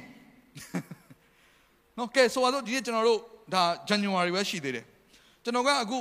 March လလောက်ထိများဒီရလူတွေကိုအပတ်တိုင်းဆယ်ဖို့တဖို့အကြောင်းဟောအူဒီအကြောင်းဟောအလူဘန္နာအကြောင်းဟော ပေးကမ်းခြင်းကြောင့်ဟောပြီးတော့အကုံပြောရင်သုံးလပြီးရင်တော့ကျွန်တော်အသင်းတော်မှာလူတစ်ဝက်လောက်တော့ကြံကောင်းကြံနိုင်တယ်စဉ်းစားကြည့်ဟေစကိမင်းကြီးရဲ့အခြေအနေဒီလောက်ထိဆင်းရဲတွေနဲ့နေတဲ့အချိန်မှာဟာကဲလှူကြပေးကြတခါလေဖခင်ရဲ့ကျေးဇူးတော်ကိုချီးမွမ်းကြလာဖခင်ကိုကိုးကွယ်ကြပူဇော်ကြလှုပ်လှုပ်လှုပ်လှုပ်လှုပ်လာရင်တတရမြောက်လာလဲရောက်လဲရောက်လာဩဟေစကိမင်းကြီးဘာလုပ်လဲဆိုတော့နော်ရာဇဝင်ချုပ်ဒုတိယဆောင်31ခန်းကြီး31အငယ်3မှာ ထာဝရဘုရား၏ပြည့်ညတ်တီကျမ်း၌ရေးထားသည့်အတိုင်းနေ့ရက်စဉ်နနက်ချိန်ညဦးချိန်ဥပုံနေ့လာဇန်းနေ့ဓမ္မပွဲနေ့တွင်မီးရှို့ရာရစ်ပူဇော်စရာဖို့ဗန္နာတော်တဲကဥစ္စာတပုတ်ကိုထုတ်ရွလှူတော်မူ၏သူ့ရဲ့ပိုင်ဆိုင်မှုတဲကဥစ္စာဆယ်ဖို့တပုတ်ကိုသူစလှူတယ်ပြီးရင်အငယ်လေးမှာယေဘရဟိလေဝိသားတို့သည်ထာဝရဘုရား၏တရားကိုစ조사၍တွင်တင်စေခြင်းကယေရုရှလင်မြို့၌နေသောသူတို့သည်ဥစ္စာတပုတ်ကိုလှူရမည်ကြောင့်မိန့်တော်မူ၏ ကဲယေရုရှလင်မြို့မှာနေတော်သူများကတော့ဆယ်ဘိုးတဘိုးထက်လူအောင်တဲ့တခါရှေ့ကပွဲတွေနဲ့မကအခုထက်လူခိုင်းမြန်ပြီထိုအမိန်တော်ကိုဣသေလအမျိုးသားတို့သည်အနှံ့အပြားကြားသိကြသောအခါသူပြောတာကယေရုရှလင်ကိုပဲပြောတာဒါပေမဲ့အားလုံးကကြားသွားတဲ့အခါမှာတဲ့ဣသေလလူမျိုးတွေကဒီလိုအချိန်မျိုးမှာဘလောက်ထိချက်ဖို့ကောင်းလဲမသိဘူးဖျားဘက်ကိုပြန်လှည့်လာကြတာသူတို့ကဘာပြောလဲဆိုတော့နော်မလှည့်လို့လည်းမရဘူးလေအရန်ဆိုးတဲ့ရှင်ပြင်းနဲ့သူကကြုံခဲ့ရပြီးပြီအခုဟေဇကိသူ့ရဲ့သားဟေဇကိကဖျားဘက်လှည့်တယ်ဆိုတော့အာတိုင်းသူပြည်သားတွေပျော်ပြီးတော့တခါလဲ ကဲရှင်ဘုရင်မင်းကြီးခိုင်းတာအကုန်သာလိုက်လို့ကြဘာကြောင့်လဲဆိုတော့နော်မင်းတို့ကြုံခဲ့ပြီမလားဘုရားကိုမကြောက်တဲ့ရှင်ဘုရင်နဲ့ဆိုရင်ဘယ်လောက်ခံရလဲဆိုတာဆိုတော့ကောင်းကောင်းသိသွားတော့ဣသရေလလူမျိုးတွေကပြောသမျှအကုန်လိုက်လို့တယ်ဆိုတော့ဘာလုပ်လဲဆိုတော့ထိုအမိန်တော်ကိုဣသရေလအမျိုးသားတို့သည်အနှံ့ပြားကြားသိကြသောအခါဦးသီးသောစပါးစပြည့်ရည်စီပြားရည်အစရှိသောမြေအသီးနှံကို၎င်းအခြားသောဥစ္စာရှိသမျှဆယ်ဘိုးတစ်ပုတ်ကို၎င်းများစွာဆောင်ခဲ့ကြ၏ဟာအများကြီးဆောင်လာကြတယ် ယူဒာမျိုး၌နေသောဣသရေလအမျိုးသားနှင့်ယူဒာမျိုးသားတို့သည်လည်းတိုးနွားဆယ်ဘိုးတစ်ပုတ်ကို၎င်းသူတို့၏ဖျားခင်ထာဝရဘုရားပူဇော်၍တန်ရှင်းသောဥစ္စာဆယ်ဘိုးတစ်ပုတ်ကို၎င်းဆောင်ခဲ့၍အသီးသီးပုံထားကြ၏အရေးကြီးတဲ့ကျမ်းစာလေးအခုလာပါပြီတတရလတွင် ပုံထားစာပြု၍ဓတ္တမလတွင်လက်စာတတ်ကြ၏အကြာကြီးပဲဆယ်ဘိုးတစ်ပုတ်ပေးတာလက်စာမတတ်နိုင်ဘူးပေးတာပဲနောက်ဆုံးမှခုနှစ်လမြောက်နော်ပြီးသွားတယ်ပြီးသွားတဲ့အချိန်ကျတော့ ပုံထားသောဥစ္စာကိုဟေဇကိနှင့်မူမတ်တို့သည်လာ၍မြင်သောအခါထာဝရဘုရားနှင့်ဘုရားသခင်ဣသရေလအမျိုးကိုကောင်းကြီးပေးကြ၏အဲဒီမှာကောင်းကြီးပေးတယ်လို့ကျွန်တော်တွေ့ရတယ်အင်္ဂလိပ်ကျမ်းစာကိုကျွန်တော်ဖတ်ကြည့်လိုက်တဲ့အခါမှာရှင်ဘုရင်ကအံ့ဩတယ်နော်ထိုပုံထားသောဥစ္စာအကြောင်းကိုဟေဇကိသည်ယေဘရဟိလေဝိသားတို့ကမေးမြန်းလေသူအံ့ဩတဲ့အခါကျတော့ဘာလို့ဘာကြောင့်ဒီလောက်ထိများပြားနေရတာလဲလို့သူကအဲ့ဒီဗိမာန်တော်မှာအမှုတော်ဆောင်နဲ့အမှုတော်ဆောင်နဲ့သူမေးတယ်မေးတဲ့အခါမှာဇာတုတ်မျိုးယေဘရဟိအကြီး အာဇရိကပူဇော်တက္ကရာတို့ကိုဗိမာန်တော်သို့ဆောင်ခဲ့စားပြုတော်နောင်အကျွန်ုပ်တို့စားလောက်အောင်ရှိသည်သာမကများစွာကြံခြင်းတတ်ပါ၏ထာဝရဘုရားသည်မိမိလူတို့ကိုကောင်းကြီးပေးတော်မူသောကြောင့်ပုံထားသောဤဥစ္စာများသည်ကြံကျွင်းလျက်ရှိပါသည်ဟုရှောင်ကြ၏ကြည်လိုက်ရင်တော့လာပေးတာများလို့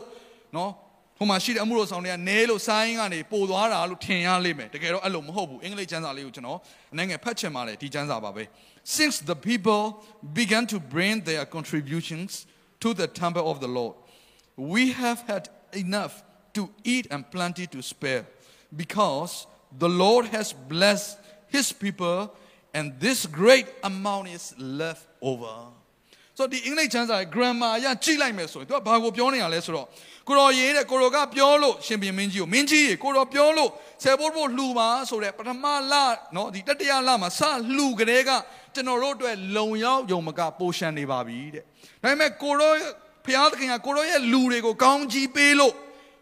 ပေးလိုက်တာပေါ့နော်အခုသူတို့ယူလာတဲ့ဟာတွေအမြင်နဲ့အတိုင်းပါပဲတကယ်တော့တတိယလမှာလာပေးစကလေးကပိုနေပြီတဲ့ အဲ့အဲ့ဒီပေးစားကလေးကဖခင်ကဘာလုပ်လဲဆိုတော့ကောင်းကြီးပေးလိုက်တာအဲ့ဒီဆင်းရဲတဲ့တိုင်းပြည်ကကျွယ်ဝတဲ့တိုင်းပြည်ဖြစ်လာဟာလေလုယာအဆင်းရဲဆုံးချိန်မှာမှန်ကန်သောဖခင်သခင်ကိုပစ္စည်းဥစ္စာငွေကြေးပိုင်းဆိုင်ရာမှာမှန်ကန်သောနေရာမှာထားလိုက်တဲ့အခါကျတော့ဣသရေလတိုင်းနိုင်ငံကဆင်းရဲခြင်းကနေအခုတော့ကျွယ်ဝခြင်းဆိုတဲ့အရာကိုဘုရားကောင်းကြီးပေးတယ်ဟာတိုးသူများနဲ့မတူတော့ဘူးတိုးမွေးနေတိုးတွေကအများကြီးကဲကောင်းမွန်တဲ့အကောင်းနော် ခွန်အားနဲ့ပြေဝတဲ့သိုးတွေမွေးတာနွားတွေဆိုလဲကျမ်းမာတဲ့နွားတွေသူများတွေကတော့ပိုးတွေကြိုက်စားလို့အပင်တွေသေးတယ်သူတို့ကတော့တခါအထွက်တိုးတယ်ကျွန်တော်အခုရခိုင်နော်ပေါ်မှာရခိုင်ပြည်မှာကျွန်တော်တောင်ပေါ်မှာသွားပြီးတော့အင်ဝလီဟောင်းကနေပြီးတော့နော်ကျွန်တော်တို့ကိုတရက်တော့ဖိတ်ခေါ်တယ်မိသားစုတစုကသူတို့ကလေယာစိုက်တာဖြစ်တယ်စိုက်တော့သူတို့စိုက်တာကခရမ်းကျင်သီးထင်တယ်ဆိုတော့ကျွန်တော်တို့ကိုတောင်းပေါ်ခေါ်တော့ဟာနော်ဘာပြောကျေးဇူးတော်ချီးမွမ်းမယ်အာဟိုကျေးဇူးတော်ချီးမွမ်းပြီးတော့ဒီယာခင်းအတွက်စက္ကန့်အနံပွဲဆိုပြီးတော့ခေါ်တဲ့ခါကျတော့ကျွန်တော်လည်းနီးနီးလေးဆိုပြီးတော့သွားလိုက်တာ တောင်ပေါ်တက်ရင်ကအပေါ်ကျတော့ဒူးတွေလည်းတုံးအဲ့နဲ့ဘုရားရှိခိုးသူတို့အကောင်းဆုံးသူတို့ရဲ့အကောင်းဆုံးစားစာလို့ပြောတဲ့တခါသူတို့ကိုယ်တိုင်ပြစ်ထားတဲ့ငှက်သားနဲ့ကျွေးတာပေါ့နော်ငှက်အသားကိုတော်တော်ရှာယူရတယ်အယိုးတွေငှက်ကလည်းတော်တော်ပိန်ပုံရတယ်ဟာသူတို့အကောင်းဆုံးတော့ချက်ပြုတ်ကျွေးပြီးခိုင်စာဆိုကျွန်တော်တို့ကလည်းတခါနဲ့အဲ့ငှက်သားနဲ့တခါမာညာနဲ့ကျွန်တော်စားကြတာပေါ့နော်ပြောလိုက်သေးတယ်ငှက်သားစားတဲ့အချိန်မှာဘေးကလာပြီးဆရာတဲ့အဲ့ဒီငှက်လေးအရန်လာတာတဲ့ရောင်စုံလေးနဲ့ဘာဖြစ်ညာဖြစ်စားရင်လည်းဆက်ပဲစားမှလားတနာမှလားဘာမှမသိတော့ဘူး ဟာသူတို့အရန်ရိုးသားတယ်သိမလားတခါတည်းပြောပြီးတော့ဆရာပြီးကောင်းကြီးပင်းတော့ကျွန်တော်တို့စိုက်ခင်ကိုဒါဒါတဲ့ဒုတိယအချိန်စိုက်တာတဲ့ဘာကြောင့်လဲဆိုတော့တဲ့ဒီနယ်မှာတဲ့ပထမအချိန်ပဲအထွက်တိုးတာဒုတိယအချိန်ဆိုအထွက်မတိုးတော့ဘူးတဲ့ဒါကြောင့်မလို့ကောင်းကြီးပေးပေးပါကျွန်တော်တို့ကလည်းစားပြီးသွားပြီအဲဘိုက်ပြေသွားကောင်းကြီးအကြီးကျယ်ပေးတာစိုက်ခင်ကိုပြီးတော့ကျွန်တော်ပြန်ဆင်းလာတယ်တခါပြန်ဆင်းတော့ပိုတော်ဒူးတုံသေးတယ်တောင်ပေါ်ကနေအခုကျွန်တော်ကျန်းစာသွားတင်တဲ့ခါကျတော့အဲ့တယောက်ကအနားကိုရောက်လာဆရာမှတ်မိလားတဲ့ဆရာကောင်းကြီးပေးခဲ့တဲ့အဲ့ဒီလေယာကွင်းနေတဲ့ အခုဒုတိယနှစ်မှာစိုက်တာတဲ့အထွက်နှစ်ဆတိုးတယ်တဲ့ဟာဘေးကရွာသားတယောက်ကပြေးလာပြီဟုတ်တယ်ဆရာတဲ့အဲ့တယောက်ဒီနှစ်သွားဆန်အများကြီးရမှာတဲ့ဘာကြောင့်ဆိုဈေးတွေတက်ကုန်လို့တဲ့နှစ်ဆတိုးတာတဲ့အဲ့လိုမဟုတ်ဘူးတဲ့ပုံမှန်ဆိုရင်ဒုတိယနှစ်ဆိုအထွက်ထွက်ကနေသွားမှာတဲ့အခုတော့မနေတဲ့ပြင်နှစ်ဆဖြစ်သွားတယ်တဲ့ကျွန်တော်ဒီနှစ်တော့အများကြီးရပြီတဲ့ဝါရှင်တော်ဘုရားသခင်ကောင်းကြီးပေးခြင်းအာမင် အာမင်ဖခင်ကိုနေရာမှန်ထားတတ်ရင်ဒါကိုပြောတာသူတို့ဒီတိုင်းပေါ့ဖခင်ကျေးဇူးတော်မချီးမွမ်းနဲ့ဖခင်ကိုကောင်းကြီးပေးခြင်းနဲ့ဆုတောင်းခြင်းမရှိပဲစိုက်ပြိုးလဲအသီးနှံတော့ထွက်လာမှာပါပဲ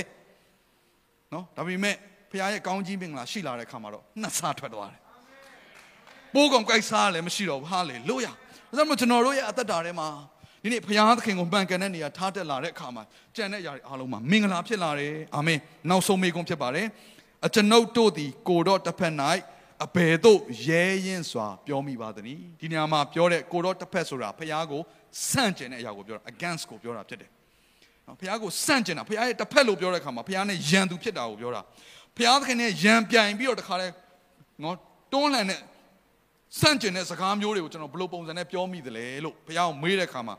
ဖះကမာလခိ3 73ကနေ15မှာပြန်ဖြေပါတယ်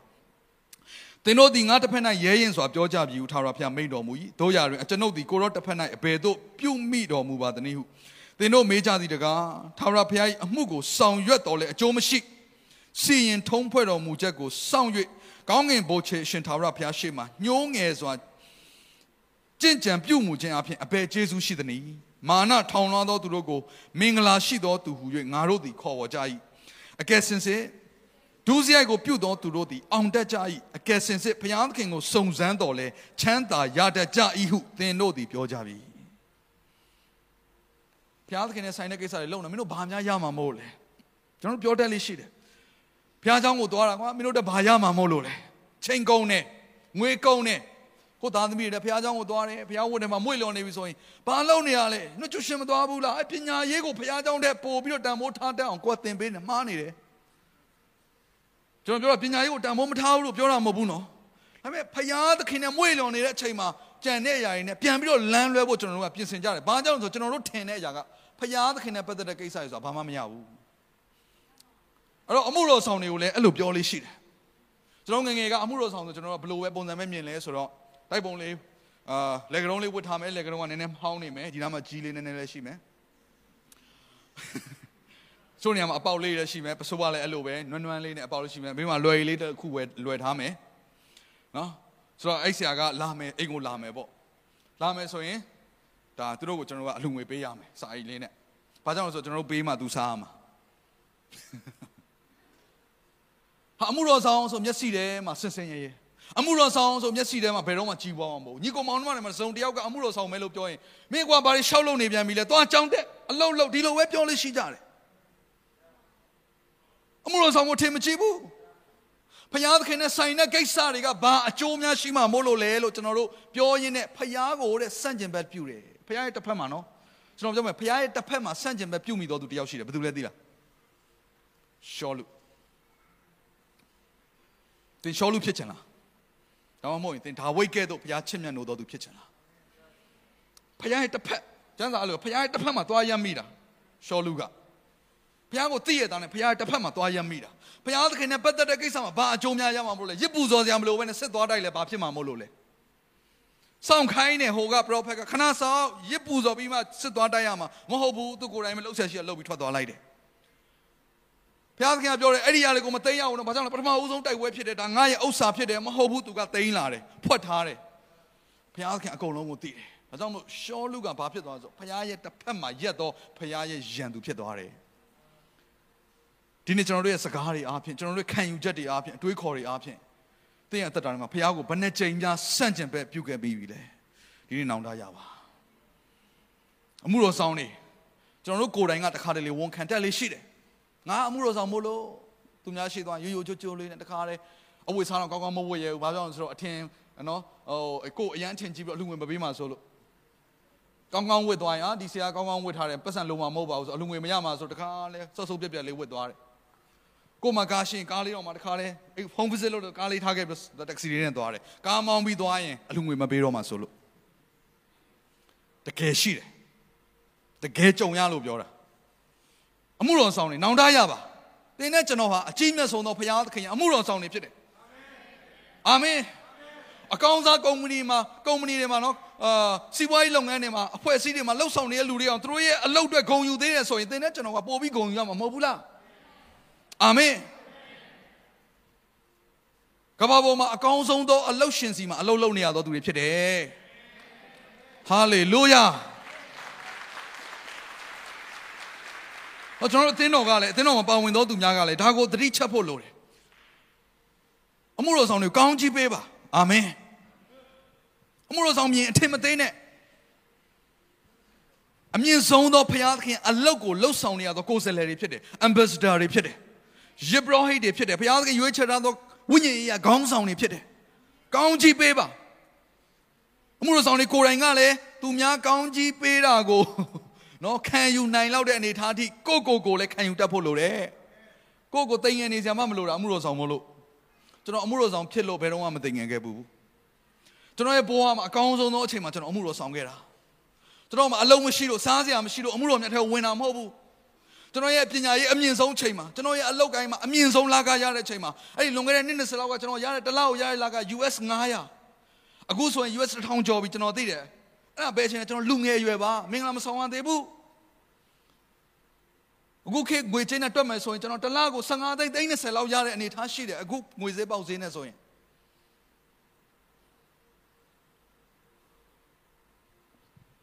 ဒါဒါပေမဲ့ကျွန်တော်ရဲ့အကောင်းဆုံးအချိန်မှာပဲ ဘုရားခင်ကိုရိုနာကိုကျွန်တော်လိုက်မယ်ပထမအဦးဆုံးရတဲ့လကမှတ်မိသေးတယ်9000 US ဒေါ်လာ900ရတဲ့အချိန်မှာကျွန်တော်အမှုတော်ဆောင်လိုက်တော့ပထမဦးဆုံးရတဲ့လကကမြန်မာငွေ9000ခုနှစ်ပါလို့တော့ကျန်တဲ့လိုက်ပါတယ်နောက်ကတုံညနေတာတော့နည်းနည်းလေးစိတ်ဆိုးတယ်ကားကနဲ့ပဲကုန်တာလေ9000ကအဖယားနောက်ကိုကျွန်တော်လိုက်ခဲ့တဲ့ခါမှာဘုရားခင်ကျွန်တော်ပြစ်မထားပါဘူးအာမင်အာမင် ဘုရားသခင်ကိုချီးမြှောက်တော်သူကချီးမြှောက်ခြင်းခံရမှာပဲဟာလေလုယာတော့ကျွန်တော်ဘုရားကိုရွေးစေခြင်းနဲ့အထူးဖြင့်ဒီလိုခက်ခဲတဲ့အချိန်မှာဘုရားကိုပို့တောင်းရွေးစေခြင်းနဲ့ပို့တောင်းမှဘုရားကိုဦးစားပေးနေရမှာထားစေခြင်းနဲ့ဘာကြောင့်လဲအခက်ခဲထဲမှာကျွန်တော်လည်းအသင်ကိုမကယ်နိုင်ဘူးသင်မိပါလဲကယ်နိုင်မှာသင်အလုပ်လည်းကယ်ခြင်းမကယ်နိုင်မှာဘာတွေဖြစ်မလဲကျွန်တော်လည်းမသိဘူးနောက်ပိုင်းကျမ်းစာအရဆိုတော့ပို့ပို့ဆိုးလာဖို့ပဲရှိတယ်ဘုရားကိုရွေးစမ်းပါသင်သားသမီးတွေကိုလည်းဘုရားကိုအရင်ဆုံးရွေးတတ်ဖို့သင်ပါ ကျူရှင်ကိုအရင်ဆုံးပြည့်တတ်ဖို့မသင်နဲ့မှားနေတယ်နိုင်ငံခြားမှာရှိတဲ့ပညာရေးတွေကိုအားကိုးတတ်ဖို့အရင်ဆုံးမသင်နဲ့မှားနေတယ်နိုင်ငံခြားရောက်မှသစ်ကလေးကိုဆုံးရှုံးရတဲ့အဖြစ်မျိုးကြုံရနိုင်တယ်နော်ကျွန်တော်အဲ့ဒီမိသားစုတွေကိုတွေ့ရလို့ပြောနေတာပါကျွန်တော်တို့ကိုယ်တိုင်ကဆူတောင်းပေးနေရတယ်အခုမြန်မာပြည်မှာနေပေမဲ့အဲ့နိုင်ငံခြားမှာရှိတဲ့မိသားစုတွေကိုဖုန်းနဲ့တော့၎င်းဗီဒီယိုနဲ့တော့လှမ်းပြီးတော့ဆူတောင်းပေးရတဲ့အခြေအနေကျွန်တော်တို့မှာရှိပါတယ်ဒါကြောင့်မို့နိုင်ငံခြားမှာရှိတဲ့ပညာရေးကိုလည်းသွားပြီးအားကိုးဖို့မပြင်ဆင်နဲ့ သင်ရအလုရှင်ကိုလည်းအားကိုးဖို့မပြင်ဆင်နဲ့ဒီလိုခက်ခဲတဲ့အချိန်မှာနောင်ကာလခက်ခဲရကာလမှာကျွန်တော်တို့အတွက်ကိုးစားစရာတပါးပဲရှိတယ်ယေရှုဖခင်ဖြစ်တယ်။နားတော့မတည့်ရဲ့ဒီအစီအစဉ်လေးအပြင်တင်းရဲ့အသက်တာမှာကောင်းကြီးဖြစ်မယ်ဆိုတာကိုကျွန်တော်ယုံကြည်ပါတယ်ဗီဒီယိုကြည့်ပြီးခံယူလို့ဒီများအတွက်အပတ်စဉ်တရားဟောခြင်းများ Bible Study ကြီးမွန်ကိုယ်ွယ်ခြင်းနဲ့အခြားသောအကြောင်းအရာတွေဟာ တင်းအတွက်အဆင်ပြေရှိနေပါတယ် YouTube မှာ The City Space TV လို့ရိုက်ထည့်လိုက်တဲ့အခါကျွန်တော်တို့ကိုတွေ့ရှိမှာဖြစ်ပါတယ် Subscribe လုပ်ခြင်းအပြင်တင်းနဲ့ထက်ချက်မကွာအမြင်ရှိနေပါဦးဒါအပြင် Facebook မှာလည်း The City ရန်ကုန်လို့ရိုက်ထည့်လိုက်တဲ့အခါတည်င်းအချက်အလက်နဲ့ poster တွေကိုအချိန်နဲ့တပြေးညီတွေ့ရှိအောင်မှာဖြစ်ပါတယ်ခင်ဗျာ The City Podcast ကိုနားထောင်ကြတိုင်းဖျားသခင်ရဲ့ထူကြသောဖွင့်ပြချက်နဲ့ကောင်းကြီးမင်္ဂလာများခံစားမိကြောင်းကျွန်တော်ဆုတောင်းရင်ဒီ season လေးကိုဒီမှာပဲညံ့နာပါရစေခင်ဗျာ